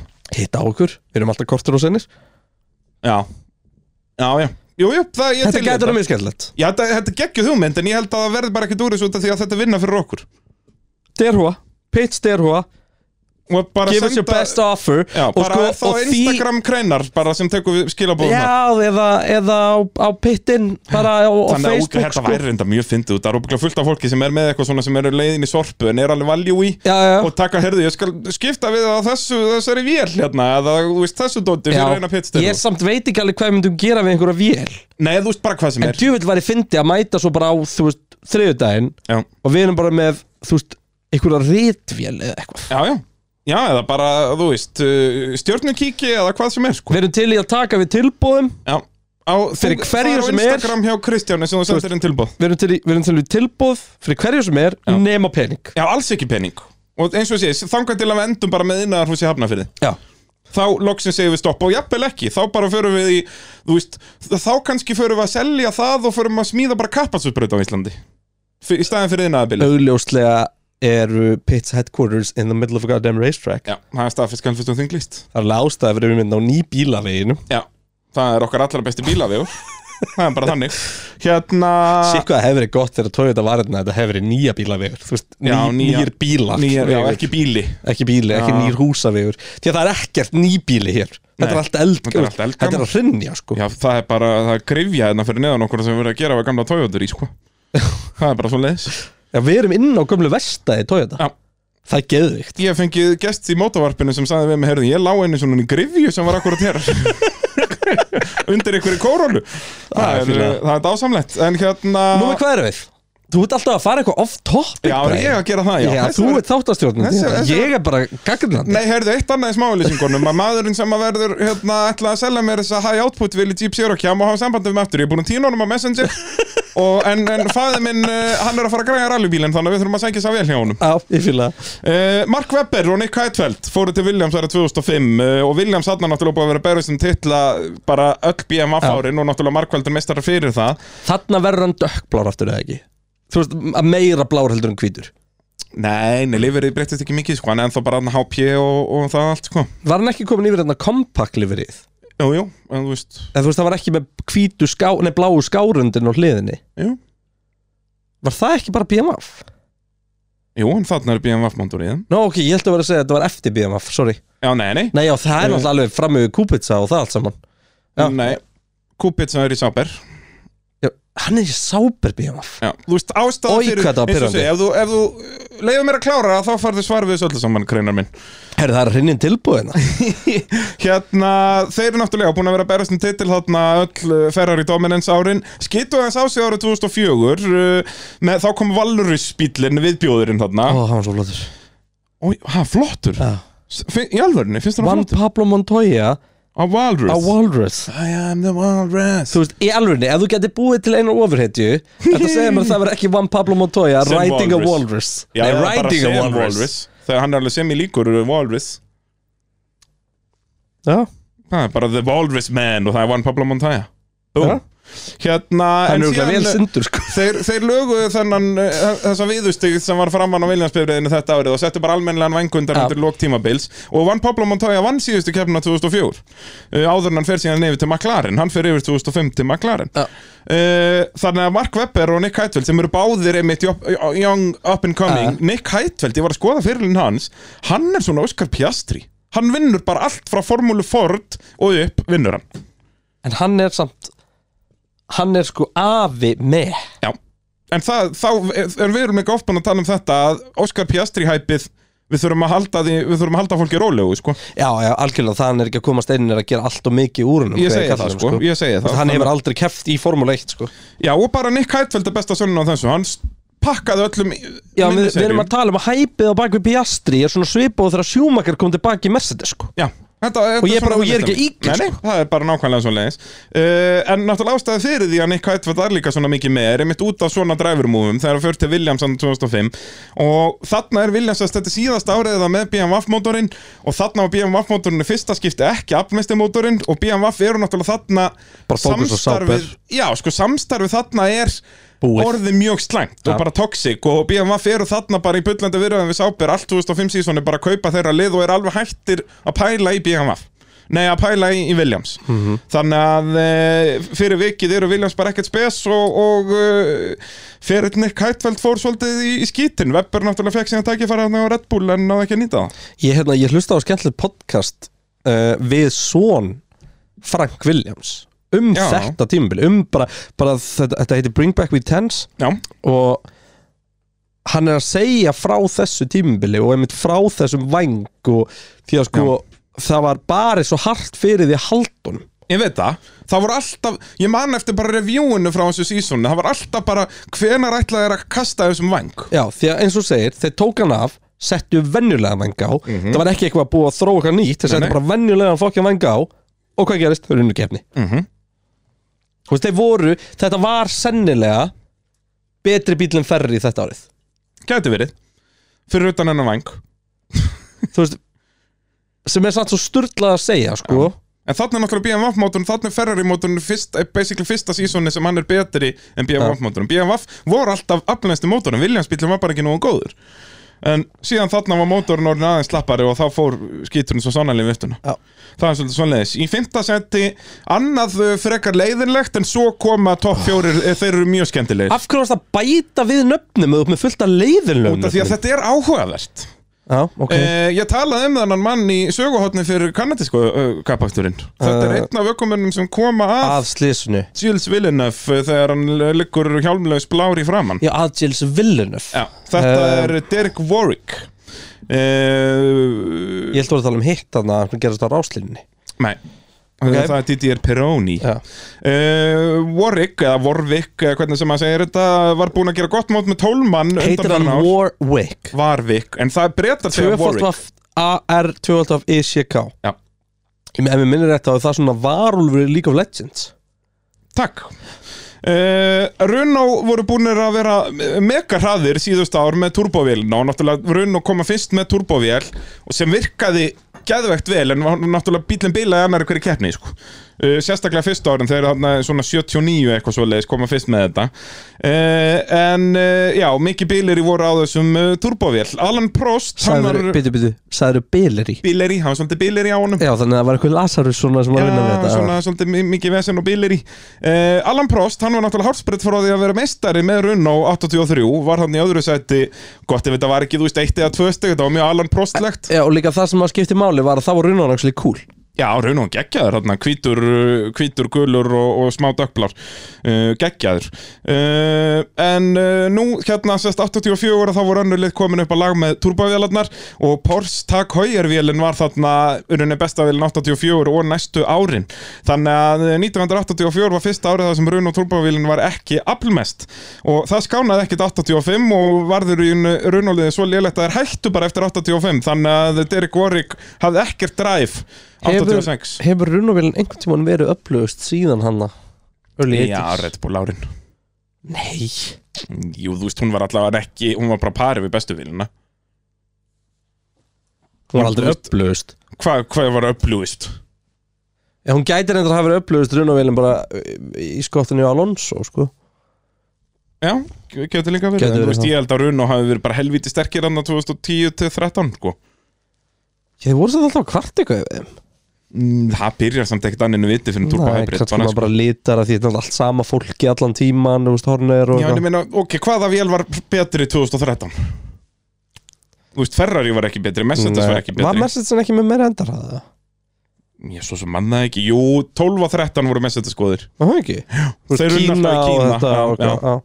Ok, 2010 og 11 getur að vera best, bestir Runo Uh, en hvað um það, núna er við komnir í juicy, juicy stuffið Já, ja, þá ætla ég að- ég ætla að loksins bara að hlusta á þig aftur það takk, takk fyrir, takk fyrir uh, Þetta næsta gerist árið 2013 hver er maðurinn? Fernando Alonso Nei, 2013, skipti Ú, 2013 F- Er enn að keppa í dag? Þú ert ekki að tala um Nei Þú ert ekki að tala um Lewis Nei, Nei, ég ætla að segja að við kallum 2013 múlið hans lélegt ég verð samt mjög nálætti og eftir En nei, en þetta er ekki, ekki Lewis, hver er þetta árið 2013? Og er henn að keppa í dag, 2013 Hlustendur eru að öskra á þig Aha. Já, er það ekki Er þetta eftir 2013 eða fyrir 2013? Þetta er fyrir 2013, þetta er sett eftir 2012 sísoni Já. Hann hafði þremur veljarnapöllum á slökum bíl ára 2012 og uh, fær síðan drauma múfið 2013 Til Ferrari Nei, tekur sæti Lúi Samhildon Já Viva la Mexico Heldur betur, Sergio Pérez til McLaren ára 2013 Ég man ekkert hvaða árið allt sem að gerist En fyrst ég var að referensa að Hamilton fór Þá Já. hef ég átt að vita þetta Hefði getað fatta hver hafði tekið sætið uh, Pérez var ánef að heitasta nafnið á aukumessmarkanum ára 2012 og var í rauninni bara spurning hvort hann færi til Ferrari eða McLaren Var það samt? Já, Já. já. hann var búin að gera hann Hann var tók svona, geggjaður á Sauber. hann tók svona Leclerc sábur á hann. Já, bara hann var En sturglaður þessi sábur var bara svo góður og hann var með shit í liðsfélaga Nei, Kobayashi var alveg fýtt hann að unnu veljarnapalli líka Já, Kobayashi Kobayashi var alveg góður gæði Já, sko. Kobayashi er sennilega besti í Japan bara örugglega þangað til Yuki, sko Já. Því að, eh, Já, Juki þetta er ekki búinn að sanna það núna Erfitt samt að segja eins og með Sato sem að fyrir sig hann bara og pakkar indikar og eitthvað, sko Hann var samt ekki góður Hann var alltaf bara Hann var bara kallað kamikaze sko. Út að Hann var alveg Hann elskaði alveg að að vera í veggjónum sko. Og eða öðrum öngumönnum Já, já, ég er náttúrulega að gleyma Yuji Ide Já, og Nakajima held ég hann hétt sem var linsfélagi Senna var alltaf í 13. seti meðan Senna var á röspúl, hann var dásamlegt Piti, já, Nakajima yngri Nei, eldri Já, minna ég ég, Þetta er hann bara 80s Því að sko, hinn Nakajima Já, sem var í Hann var Williams hörkudræfur Ingi sem var í Williams Já. Já, var það, ok Já. Hann var aldrei, Williams en hann var, var gröðlélegur Þegar ég segi hörkudræfur er ég ekki menna verið, þú veist Já, já, Max Verstappen. hann var góður Já. uh, Hamilton velur að fara til Mercedes frekar en þessast fer frá McLaren sem Já. var náttúrulega svaka sjokkum úfanna sérstaklega, þú veist, ef þú horfur á brasilíska kappakstunum 2012, Jenson Button vinnur á McLaren og næsti Mercedes verið sjöðundasetti, skilur, Einmitt, en það held einmitt. allir bara að Hamilton væri búin að missa vitið þarna uh, McLaren vann síðasta titilanum 2008 með Hamilton en var búið að vera í toppslagnum 2010-12 við áttu bara eitt lélegt síðan 2009 og Bötton eins og ég segi vann keppna síðan 2012 þannig að þetta var bara geggja múf hjá Peres eins og ég segi þetta var annarkvort spurning um að massa myndir hreinlega bara hætta og hann fengi þá Ferrari sætið en Ferrari ákvaða að framlengja samning massa eftir að massa átti ágættis og lokar hluta á tímabilinu þannig að eh, þegar að eh, Hamilton annansar þessu þarna bara eh, gott ef þetta var ekki í ágúst bara þarna eða í kringum japanska kappaksturinn að eh, þá fær Peres stóra breykið hjá McLaren Uh, McLaren bílun árið 2013 var hins vegar bara svona allt of ekstrím hönnun ef það er hægt að orða það þannig það var mjög þröngur gluggi sem að bílun virkaði í og þú veist, ef þú bara breytti rættætin og eitthvað örlítið þá fór bílun bara allur í fokk og Mm. þú veist, þegar ég fór að lesa mig um hennan bíl mér finnst þetta minna bara geðið mikið á 2022 Mercedes Ég, ég ætlaði að fara að segja Já. Það bara, ó, byrju, hvar hef ég heyrt þetta? aftur?" Nákvæmlega, þú veist, þetta var akkurat þannig þetta er svona á pappir á hann að vera geggja góður Já. en síðan bara hann virkar ekki in the real world Nei, en maður hefur heyrt þetta svona um bíla í um tíðina Já, já. Nema þá var ofta ekki einu sinni það bílum var ekki að virka Heldur bara, það vantaði bara, þú veist, einhverja Það vantaði bara að gera hann aðeins léleri Til að ökumærin væri alltaf inn kontról sko. Já, akkurat Þú veist, Og því um leið og ökumærin trúir Þá allavega, þú veist, sækir hann allt sem bílinn er upp á að bjóða Bara þetta drivability eins og þetta kallast Ég skilurðu. hætti bara, þú veist, Carlos Sainz framan að þessu tímbli Já, nákvæmlega bara byrja á að spinna sem ferri í slata og treysta honum ekki Já. eða hérna allir sem hafa keirt við hliðin á Max Verstappen þá útlið Sergio Pérez í ár Já, nákvæmlega, nákvæmlega Max treysti bílnum, hinn gerði það ekki Já, Og þá er hann bara í þá er hann skýtnum bara í skýtnum uh, McLaren, þeir voru svo sannarlega í skýtnum líka ára 2013 uh, Vinn ekki hérna einustu keppni uh, Voru ekki einu sinna á velunapalli held ég á Þeir voru aldrei á velunapalli ára það 2013 var ógeðslega tímbi Já, og Peres náttúrulega fyrir vikið hann var að fá þarna stóra stjörnum úfið sitt Já. er með Jenson Button og þá fer hann að reyna of mikið þú veist og Button pakka honum á þessu sínsonu Peres var bara lélegur og er fyrir vikið rekin eh, fyrir Kevin Magnussen sem að vinnur, nei, kemst á velunapall strax fyrstu keppnina 2014 en svo náttúrulega held liðið áfram að fara í skítin og, og nefnilega áhuga verið þetta að McLaren reka Peres og Peres þarf að fara niður í Force India innan gæsanlappa Mm. störtlustæðrind Síðan þá hefur hann alltaf unnið báða McLaren ökumennina heimsastarumótinu síðan hann var rekinn frá liðinu fyrir utan Button 2012 og Sainz 2019. Annars hefur Peres á þessum lélega Force India Fyrir alltaf, síðan, hann var rekinn Já, fyrir þú meinar hann- 2014 Já. sísonið, öll tímabil síðan þá og enn þann dag í dag hefur hann basically verið í betri Já. bíl heldur en að hann var rekinn úr, einmitt sem að mér finnst mjög krútlega að saga. Já, svona ég ljósið þess að hann er núna fyrst í toppbíl Já, já, bara ennþá, hann er ennþá í, í bíl sem að Vilja McLaren búið að fara í gegnum umurlegt tímbil og vákvæði leiðir eftir að sjá að ekki vinna sig upp aftur, þú veist, þeir eru bara orðnir Já, bara þess að segja, bara fór að syndja eða eitthvað Já, 100% og það síðan komið stóru reglubreitingum núna og þeir fóru aftur á bakkinn ekki áfram skilur við. Einmitt. þannig að, að þetta lítur alls ekki vel und uh, hefðu kannski átt að fá okkur aðstáð því okkur topp fólki í bóðlið því að þeir höfðu geta græðið þetta allt saman Já. þau, það er bara svo leiðis þau eru með símkerfi og net og tæknithjónustu og bókalskerfi og bókalsjónustu og ég veit ekki hvað og hvað uh, þá er spurning eh, við erum alltaf með sko bestu ökumæður sem var ekki topp 3 í keppninni hver finnst þér að hafa bestu ökumæður sem er komin á hann lista hinga til Þetta er Peres Þetta er Derek Warwick, Mark Webber, Nick Heidfeld, Patrick Tambay, Heikki Kovilainen, Martin Bröndul, Jarno Trulli, Daniel Ricardo og George Russell. Það er sennilega eitthvað af þessum síðustu tveim. Nei, ég minn eftir ekki að menna besti, besti sem tók besta lélega múið af þeim sem við erum búin að tala um Já, þú mennar. það er Já, ekki það, bara- það getur verið ekki það eitthvað líka. sem ég er mest ósamálaði með þeim. Nei, það Eh, er bara hver finnst þið bestu okkur maður. Nei, ok, og hvað finnst þið mest að skita hann þarna? Ég get sagt þér hver mér sem mest með Er það Trulli? Já. Nei, nei, nei, nei, nei Nei, lesta stjórin Okkar allra besti? uh, Nei, hann er kætveld Já, hann er mikill með. Hann er bara með Hann er dásamlega mikill með. uh, Ég veit það ekki bara ég, Nei. ég, þetta, er, þetta er virkilega góð og erfið spurning sem þú ert að leggja fyrir með hana Já, þakka þér, þakka þér. Eh, Eigum við þó ekki bara að halda áfram? Jú, Í, í þriðasæti Þú talaðir um aðan, ég var ekki að fara að setja Lewis Hamilton á hann lista En ég ætlaði eins og er að setja Nico Rosberg á hann lista þráttur hann ára heimsmestari með besta liðinu tveimur ára senda Nei, hann ke- tekur múin alltaf fyrr Nico Rosberg til Mercedes ára 2010 Þarna er Nico Rosberg búinn að vera bara rock solid með Williams í fjögur ár Sest fer inn í formúluna með Williams Williams bílinn þarna lélegur En Rosberg búinn að vera rock solid og, og búinn að ná nokkrum velunapöllum Næði tveir, tveimur velunapöllum 2008 til dæmis uh, Og er núna bara 25 ára uh, í, Á blóma ferilsinn Svo er að koma til ríkjandi heimsmyndstarana Og hann kemur auðvitað til Bron GP eða skiluru Já, þetta er brónliðið sem urðu meistarar uh, og núna eru konum með hjúts peninga frá bæði Mercedes og Petronas þannig að þetta basically getur ekki klikað Þú ert að, hann er 25 ára búin að sína góða rispur er að koma til ríkjandi meistara sem er að fá þvílíkt indeksjón af peningum uh, en málið er sem, sem að basically enginn átti að sjá og ekki einu sinni Mercedes sjálfur er út að það var engin þróun árið 2009 Þeir bara Allir negldu- henni voru bara búin að ná þeim Já, þeir neldu þessum bíl út og þú veist, Red Bull var hann betri undir lok 2019 bílsins en bara málið er að þegar að þróunin er svona algjörlega stoppuð og náttúrulega búið að reka fullt af fólki og svona það er alveg ótrúlega mikið hvað það setur þau on the back foot þó að þú náir að ráða fullt af fólki og eitthvað þá ertu bara að búa til fleiri vandamál Spáðu skilur í hvað Rósberg þegar hætt með mediocre ferilega en ekki klára hann eins og þetta Já, 100 pjö Sko, ég ætla ekki að bóluskýta þetta Ok, Því að ég get ekki guttir að aukumann sem fer inn í fyrsta skref og projekt og endar á að verða heimsmystari sem að, sorry, átti aldrei rétt á að verða heimsmystari sko, hann var sjöfundi með Williams árið 2009 uh, hann, það var- varð ekkert betra 2010 og 11 og hann var ennþá bara sjöfundi með liðinu náði vissulega, vissulega fyrsta sigri Já, hann var, Mercedes ekki að fara að fá, 2012. hann var ekki að fara að fá Red Bull sæti hann var ekki að fara að fá Ferri sæti Nei, en, en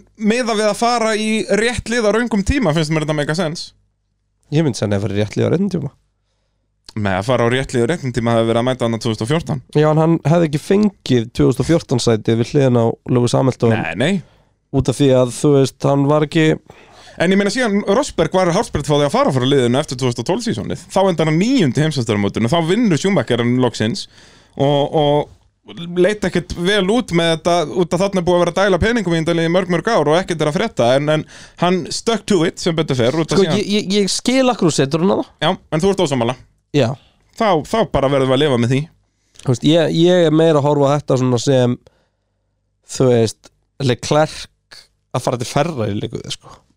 í dag, Já, en það er samt eins og með Russell að það er ekki hægt að segja það í ég dag veit það en, Nei, en, þú veist, ég er að tala um þá já, já.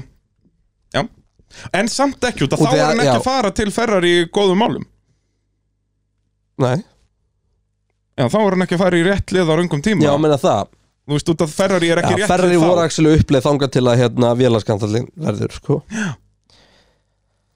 Þannig að, uh, já, ég, ég hendur honum hendi Eh, Þetta er þriðasætti eins og Max Verstappen að fara í Red Bull mm, Hvenær fer hann? samt Nei. ekki, það var þetta Nei. næst besta lið Já, og Red Bull eru þá búin að vera næst besta liðið í tvö ár, skilur Hann er Já. ekki að fara til mestara Þú veist, það er ekki, þegar hann fer til Red Bull var enginn að búast við því að hann er heimsumstari Út að Red Bull voru ekki á Hvenær þeim stað. skipti Fettil yfir í Red Bull? Var það 2009? Já, Já, hann tekur fyrir slægin 2009. Hann tekur slægin við Button Já. 2009 og verður svo heimsmyndstari árið setna Já. Já, þannig að ég er ekki hægt að kalla- seg- nefna hann hann, þetta er svona meira webber til Red Bull eitthvað svona talum, sko. En, Nýtt já, en það lið er bara út að í hann var uppbyggingu. lélegur Já, ég veit það, ég veit það, ég veit það En Rósberg og Webber eru fyrir mér bara jafngóðir Já, ég myndi Fyrir segja utan það bara Rósberg taktikli vann heimsmyndstaratitil á móti Lúi Samtón sem er huge Já, og náttúrulega bara eh, líka heppin, skilur Já, já, það þarf En- Já, já, það þarf hefni til að vinna Þú veist, Hann Eh, fokkaði alveg vel upp í Hamilton Já, 100% og, bara, og það er líka bara einn af göllum Hamilton að hann er of emotional Mhm. Þú gætir ekki fokkast hún í fettel til dæmis Getur allavega ekki fokusin í Max Já, ég hugsa að Fettel upp að sitt besta hafði ekki Ef að Mark Webber hafði verið í einhverjum svona leikjum hafði Fettel bara sagt um að fanga sér sko Kanski Ég held það En hver veit, í öðru sæti þá kemur okkar allra besti Fernando Alonso Ég skrifa þetta Í bara öðru sæti Já, út af fyrsta seti, það er mesta bara stærstu mistök sem aukumæður hefur gert eðir á bara sögu aukumanns markaðsins Og veit ég um það Ég held ekki, ég held að ég sé að fara að segja það sögu þar Ok, ég fíla það. Já, sem er, og eins og ég segi, þetta er bara Ég minn ef þetta toppa Fernando Alonso þá Já. er það helviti gott Fernando Alonso og ég orði þetta bara svona Númer 2, Fernando Alonso til McLaren, Renault, Ferrari og McLaren Þetta það er svoleiðis Þú veist, En Það er auðvitað vel eina, mikið eina karriérmúfið sem var í lægi hjá honum var fyrsta runamúfið Já, og til McLaren Út að þá er hann að fara Já, í besta trú, bílinn Hann trú. er að fara úr Renault á nákvæmlega tímanum sem Renault er að fara að sökva En náttúrulega stór partur af því var vegna þess að Alonso fór mm. Og er að fara til McLaren þegar þeir eru byrjaðir að skína aftur loksins eftir allt Já, Ferrari-domination já. Þannig að þetta er hárrétt múf En bara hann gæti ekki unni Hamilton Sem er magnað Út af Hamilton hann á fyrsta árunni sínu Ég hef aldrei Ha- greitt Alonso þetta tímbil Ég þurfti tvöfaldur eiginlega að meistari, kíkja á það aftur Já, þetta er stór Lendi magnað sko. Mm. Alonso í einhverjum svona mörgum DNF-um eða eitthvað þannig Hvað, þetta er 2007 Það er 2007 F1 season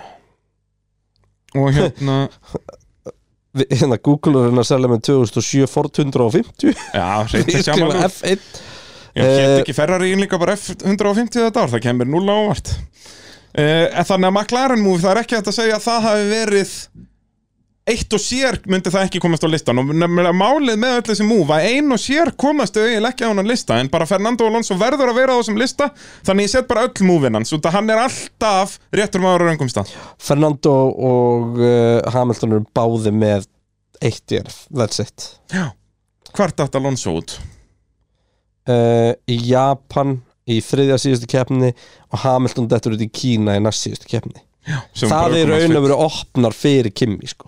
Já, en Kimi það sko sem er fyrir svo... svo næstjústu keppni var 18 stegum að eftir og það fara 10 steg fyrir sigur já, það sem er svo impressiv Var, er, Er- það ekki rétt að mér, jú, ég held að Ég held að Kimi fyrir næstsíðustu keppni Þá eru 20 stig í pottinum Þá er hann 18 stigum að eftir nei, það getur Var ekki það verið 16 kannski já, þá á eftir Alonso því að sko því að Alonso Nei, á eftir, á retærar eftir Hamilton held ég Alonso, nei já, já, fyrir ekki Hamilton því að, Út af því að Hamilton Hamilton var- retærar í Kína og endar svo bara sjöund í Brasilíu Já. en Alonso nær öðru og þriðasætti síðust tveimur kemnum sko, sem að kemmi vinnubóðar Já, já, akkurat, það sem ég var að segja Kimi fyrir Kína Næstsíðustu keppnina Þá var Kimi 18 stigum á eftir Ökumannum sem að leiti en þetta er svo crazy sko því að Sem okay, var Kimi, Hamilton. Kimi vinnur fyrstu kemna mm -hmm. í Östuríki Ástralíu Ástu, hún segir þetta alltaf Já, mjög góð spurning svo lendir hann í þriðja í Malasi og Bahrein uh, Massa sem er nú með honum hana Mhm. hann er sjötti í fyrstu keppni fymti í annari keppni á ráspól samt sem aður svo er hann bara, svo vinnur hann Bahrein og Spán tekur þriðja sæti í Monaco er disqualified í Kanada og tekur svo þriðja sæti í Bandaríkjunum og svo annarsæti og ráspól í Fraklandi þannig að þú veist hann var ekkert langt frá hvað, fyrir hvað var hann disqualified hann og Fissi Kella báðir í Kanada ég man ekki eftir þessu Var það ekki árakstur? ég man ekki eftir þessu en, En, hérna, eh, en hvað um point, það? pointum mitt allavega og, og hver heldur að sé í 15 setinu okkar allra besti, meh Hvað trúli? nei, Nick Heitfeld, Já, hættu nei. að kalla trúli meh Sorry, sorry með mig eh, okkar maður Jan og trúli var bara í solid 13. seti Að sjálfsögðu, okkar En allra besti hérna- og þá Toyota þarna eða ekki og veistu hver er í 14.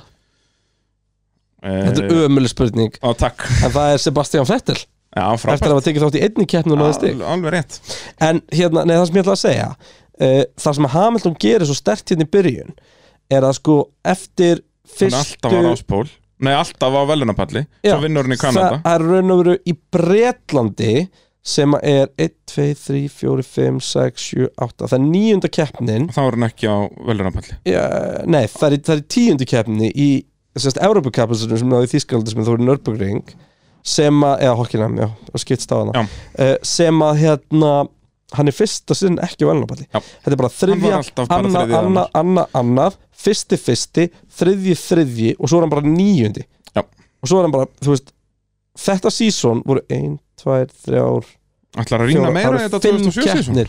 Mér sínst þið þurfa að fara að skoða þetta Já, 2007 þetta er sturla Þetta gæti verið næsta Three-way söguhótt, title fight Já. í, í andan Þetta var ruggladæmi Já og í raun og veru sko massa spila resa stóra rullu í því Já, þeir voru alltaf Af- að klessa á hvern annan sko, Hamilton og Massa ekki ára 27, það var eftir það Eh, Jú, þetta byrjuðu þarna Já ok, en hérna ha- massa Ég, til undir dæmis í restina Núrburgring, það sé ástæðan fyrir Hamilton sé svona neðalega í Núrburgring, þeir klesta, klesta okkur annan já, undir restina þá spilar sko massa resa hlutverk í því að vera að ná að klára fyrir ofan Hamilton og Alonso Já, já, Þetta er bara áhugavert sko já það er eins og við segja, þetta er störtlega eins og ungverðlandstæmi þegar Alonso býður henni pitt í tímatökum svo að Hamilton ná ekki hring og alls konar, þú veist, það var svo mikið af dæmi í gangi og náttúrulega kræðina hérna Spygate er þarna í gangi þetta er alltaf rosalegt sko. e, Massa var með s- sex ráspóla á stímbili Stórfenglegt uh, Alonso, uh, s- s- þetta move til McLaren, það er á ekki heima á þessum lista uh, Move til Runo eftir það á heldur ekki heima á þessum lista út af því að Runo voru þá búnir að sökva svolítið uh, Aðal tvö múvin sem eiga heima á þessum lista er Ferrari Ferrari. og McLaren Já.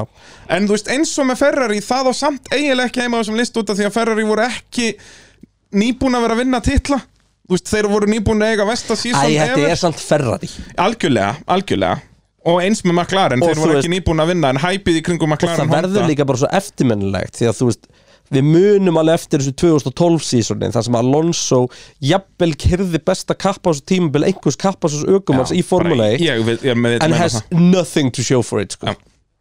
á Ferrari Já, og þessi Ferrari, shit, hvað hann var ógeðslega lélegur maður. Shit, sko Þú varst- ég, ég þú elska varst að þú verður, þú verður reyður þegar þú byrjar að tala um Þú hann varst sko. að tala um hvað massa þarna var geggjað á 2007 Já. Massa, þú veist, árið 2012 hvar endaði hann í nýjönda seti heimsumstarmótinu eða eitthvað nákvæmlega Á sama bíl og Alonso ég var að segi, ég var berjast til alltaf að um síðustu keppni, kvalifæja bara 14 Já, og eitthvað. bara, be- já, þú veist, Alonso þessi bíl náttúrulega var ennþá lélir í qualifying Alonso var yfirleitt svona sjötti í tímatökum og vann sér síðan bara upp á velunapall í öllum keppnum og þú veist, og þurfti samt að vera að taka fram úr Roman Grosjan í hver annar, í annarri hverju keppni Já, sem er náttúrulega bara 50-50 líkur á já, grassi. Já, þú veist, bara litla dæmið, sko þannig að bara störtlað og eins og ég segja, öll þessi move svona ein og sér höfðu ekki verið nóg en bara ferill Fernando Alonso á, á, það er bara þessi listi það er bara svo leis, hann er alltaf réttur maður á röngum stað Já. og er að fara í rétt lið á röngum tíma þannig að hann Ég- er í öðru seti en er ekki fyrstur Nei, og ég get ekki beð eftir hérna fyrst sæti því að hér erum við að tala um ökumann sem að eh, var búinn að gera samning við lið og það lið endaði á að vera heimsveistarar bara öll næstu fjögur, fimm árin en byrðu rifti hann samningnum hann rifti samningunum Ég og held ég fór hafi heyrt yfir til þessa sögu. Ferrari held ég að hitt þessu Þetta er Sjona Lacey til Ferrari árið 1991 Því að þannig er hann allar heitast ökumæður en þannig er hann búinn að vera geggjaður og tyrrel búinn að koma honum á velunapall þú veist, hann var kominn í að pressa á Ferrariana á Monza árið 90 þangað til að hann krassaði rifti samningnum Þetta var sturla dæmi sko uh, og eins og ég segi, búinn að vera geggjaður á, á vonlausum bíl náði og tvisvar Sjona sinnum- Lacey í, í minni minningu er með Já, 100% mest, Hann er one win wonder, hann vann bara eina keppni um Ferrari og það tók hann fimm árið eitthvað að vinna þá keppni uh, Náði hann að tveimur velunapöllum á þessum Tyrrell og var bara heitasta nafnið Þú veist, ég talaði um að Peres að hann var heitasta nafnið á aukumannsmarkaðinum Fyrir 91 var að leysi lang heitasta nafnið á aukumannsmarkaðinum uh, Og fyrir 91 tímbili skrifa hann samning við Williams En þar sem Williams voru enn að reyna að næla sér í Arton Senna Þannig Senna náttúrulega á McLaren og, og Frank Williams gerði Þráði ekkert bara. annað já, Já. hann þráði ekkert meira heldur en að fá senna sem hann Já. loksins fekk fyrir 94 tímabilið en, en vildi það hann fyrir 91 tímabilið það var ekkert að því uh, og byggðu þeir með að uh, tilkynna að Lacey sem ökumann og Sjóna Lacey, hann fílaði það ekkert að hafa verið að uh, left him dangling hann on the hook, þá hann var komið með samning uh, þá fílaði hann ekki svona hvernig Williams komið fram við hann uh, þannig að hann rifti samningnum og fór yfir til Ferrari með landa sínum Allan Prost uh, Ferrari þurfti síðan að borga Williams fjórar miljón dollara fyrir að í rauninni rifta þessum samning og að kaupa, kaupa samningsbundin ökumann í rauninni uh, og það sem gerist næstu ár gerir þetta að stærsta feil ever því að uh, Ferrari áttu hins vegar eh, ekkert uh, já, Ferrari áttu ekki að vera neitt verri en Williams þegar að Sjónaleysi tekur þessu ákvörðin, þetta leita ekki dýll út þarna síðustu þrjú árin höfðu Ferrari unnið fleiri keppnir en Williams sem sagt, yfir tímabilin eða sem sagt, já, voru með fleiri sigra þarna síðustu árin en byrju, er hann uh, þú sagði hann, tók hann við af Prost, var Nei. Prost 90 hann, þeir vera liðsfélagar 91 90 og þá er náttúrulega tímabilið, allt í hassi hjá Ferrari 90 tímabilið endar á fræga Suzuka þegar að senna klessir á Prost alveg rétt og Prost heldur áfram með Ferrari en 91 sísonið þá er Ferrari en ógeðslega lélugur og Prost fer í geðvegt mikla fílu og hættir fyrir síðustu keppnina Já. eða Ferrari rekan fyrir síðustu keppnina út af því að hann var ofnbarlega gaggrina hvernig liði var Já. reiki og annað slíkt sem að var og síðan bara fólkið hárrétt allt sem hann var, sagði já, fó- fólkið sem hann var að gaggrina var rakan, Já. en svo var það allt saman rekið í framaldi fyrir allt það sem Prost sagði en það er þá væntanlega ekki fyrir nuti restina á Já. ferlinum hans Sjóna Leysi hjá Ferrari Já, og í rauninni fólki Sjón Tott og, og þessi gæðar sem taka þarna við, þeir enda síðan á reka að leysi fyrir Eddie Irvine og Michael Schumacher Já. Eh, uh, En uh, já, málið er að uh, eh, sem sagt, þetta eru vestu öku- ökumanns eh, Bíddu, bíddu, bíddu. vestu Bíddu. mistök ökumanns í Þannig að sögu hann er- ökumanns markaðs hann er ekki bara hrjúfti samningnum sínum við Williams, þegar Williams er að fara að vera besta liðið næsta ára tugin sko. tekur við af dóminansinum frá McLaren þar og undan Já. yfir í það að vera rekin fyrir Eddie Örvan Já. og það finnast af þetta allt saman er að Benetton kom síðan þarna og voru geggjaðir 94-95 hann er rekin eftir 95 sísonið og þeir eru til Benetton Og þegar þeir gætu ekki neitt Sjónalei, og sérst, mér langar að setja þetta í þessi samingi út að fólk náttúrulega hefur ekki heyrt mikið um sjónaleiðsi eða og þekkja formúlin ekki á þessum tíma Ferrari vann aðeins tvær keppnir næstu fimm árin Alensi, Alesi vann eina þeir og Gerhard Berger hinna og það var eini sigur Alesi á ferlinum eins og við segjum, one win wonder frá 92 til 97 unnu Williams 9 af 12 mögulegum heimsmyndstaratitlum og á þessum árum er Alesi 26 til 32 ára á toppi fyrirlsins Já. en í Þannig að staðin pældi- endar nú að kera líka fyrir prost og eitthvað ekki Já, en enda í Prost og Sáber og öllum sem var með eitthvað sögum svona þarna bara- pusjó drast Já, já, bara þú veist, hann byrjar í Benetton þegar Benetton sökka og, og hættir því og fer síðan bara liðan á milli þarna í endan og endar á að vera bara með Í staðinn hefði hann geta verið í Já, Williams veist, hann er in the fokk prime of myndarlegur, his en hann er career. með. Hann er með uh, Hefði geta verið in the prime of his career en hann er ekki að breytt söguna hjá þess. Williams Ég menn hann hafði leikandi geta orðið fjórfaldur mestari ef ekki fimmfaldur Leikandi, miðað við hvað hann var góður árið 91 Já. Það er bara svo leiðis En í staðan ákvörðun að fara til Ferrari Og Ferrari gátt ekki neitt næsta árin Þetta er bara eins og ég segi, þú, þú getur ekki skrifað hvernig, þetta hvernig lappar út úr fyrstu keppninni á þessu sísoni Já, hvað hérna veit, ég, ætla, ég ætla að googla hérna, 91 síson Ferrari, eina sem Ferrari höfðu 91 Ég held að þetta sé 641 bílinn Og það geti verið fallegasti Formule 1 bíl í sögunni Djöfull var hann töff maður Eða ekki töff, hann var fallegur 91 tímabilið ef ég skoða hérna race by race Já. uh, nei, þetta er ekki sem ég vil sjá ef við hérna race one eitthvað blum, blum, skora, Ef þú ert á Wikipedia þá skor alveg neðst Þetta er ekki flókið já, en ég er árið such standings ok, fyrsta keppnin er United States Grand Prix mm ok, Sean Lacey á hlaðasta ringið þar Sko en uh, þar er Arton Senna á McLaren sem vinnur mm ok, þannig að ég ætla, ég ætla að opna hérna United States Grand Prix 1991 Hvað ertu að spá? Mér langar til að vita hvar Sjona Lacey endaði miða við Williamsana í fyrstu keppni Já, Williams voru samt ekkert spes 91 sko. Þeir kikku okkur almennilinn fyrir 92 Þetta var svona Arizona keppni Þannig að 91, Já. fyrsta keppnin Sko, ok, Sjona Lacey Ok, þetta er sem sagt Já, Alan Prost er nú samt á Ok, þannig að, já, hann, já. Þetta, þetta var ekki litið að præðilega út Ekki til að þá, byrja með nei. Fyrsta, sko, Ferrari sko, 641 sem þeir eru á þarna Hann var alveg hraður, hann bara bilaði allt af hann er svo lúmslíkur 2022 ferðin sætbótnir eru svipaðar og svona Já, hann er bara, þetta er svo fallegur að þú sérð ofanvjú af Ferrari 641 það er bara eitthvað fallegasti Formule 1 profíl sem ég hef séð sko.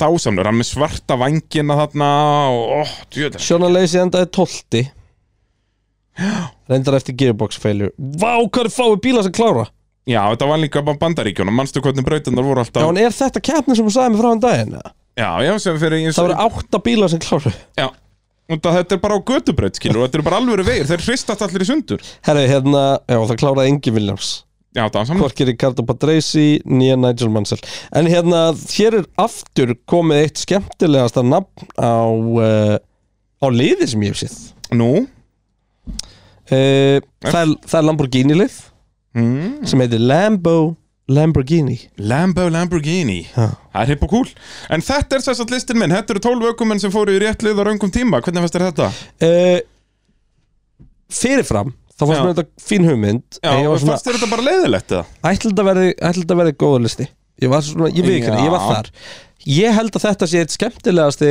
pittur sem við tekjum upp Já, þakka þér því Það að er, uh, fyrst og fremst út því að við erum að reyna að treyta Já, það er náttúrulega aðalmálið, ég er orðin mjög peppaður fyrir þessari það er treyta eiginlega alveg fáralt að við séum búin að tala í klukkutíma og 25 mínútur um eitthvað annað Já, Því þetta er eina sem skiptir máli Ég vildi óska þess að við værum í beinni já Þannig að gætum út af verið þá bara- erum við núna komnir með Ég eitthvað gott gæti sitt bara til að verið á, treyta. tv- Við værum örugglega bara komni með hús Já, Þegar nefnum þú við veist- komnir með, þú veist, allavega eitthvað fancy úr eða eitthvað Já, við erum bara búin að treyta svo fram og til Við varum búin að treyta alveg upp svona sexinum Já, sennilega, já, við erum komin úr, myndum fara úr því í, í ódýran bíl myndu fara úr bílnum yfir í uh, yfir í breyttan jeppa Ég man vinur minn gerði þetta þegar hérna Aurora Coin dæmi kom út Manstu þetta því?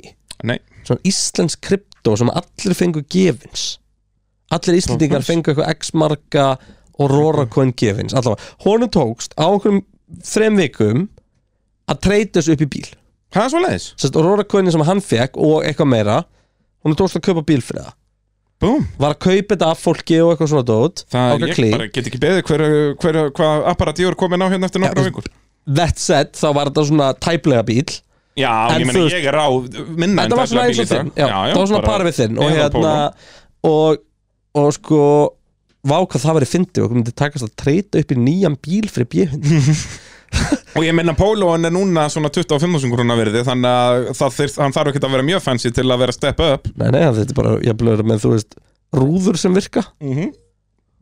eða vökkvastýri sem virkar, það væri mjög, mjög gott Því að hún tóra helviti massa er Já, þetta er búið að vera svona núna svona af og á er þetta búið að vera núna í sennilega svona 8 mánuði sem ég er búin að vera vökkvastýrislaus sem er ákveðin skellur, getur þetta að gera eitthvað í þessu Já. En ennum að því, nei Nei. Æ, ég er ekkit Nei Ég er ekkit Heyrðu, ég, annars þakka ég bara fyrir mig, þetta var dásamlegt Herri já, ég skal bara halda áfram og við sjáum bara Heyrðu, já, ber, berðasaður Nei, hérna, ég ætlaði bara svona rétt í lokin að minna á uh, Silverstone í Arena um næstu helgi Já, Þú ert allt og langt frá mikrofónu sætla minningamaður Sætla minn Bú, heyrðu, já, samt ándjóks, bara eh, tímatökur og kannski aðalega keppnina fjölmenna sunnudaginn, þetta er á þægilegum tíma, þannig bara upp úr hátið, byrju keppni ekki bara eitt, Já, þú veist Alltaf verið ekki eitthvað tilbúð Pítsur, skella sér í eitthvað, það er arena. gekkja pítsur Það er nefnilega geggjaða pítsur þarna, þetta er svona alveg, þetta er betra en meðal bar food, skilur, þetta er alveg good shit dæmi, Já, þetta er veitingastæður ég segi það.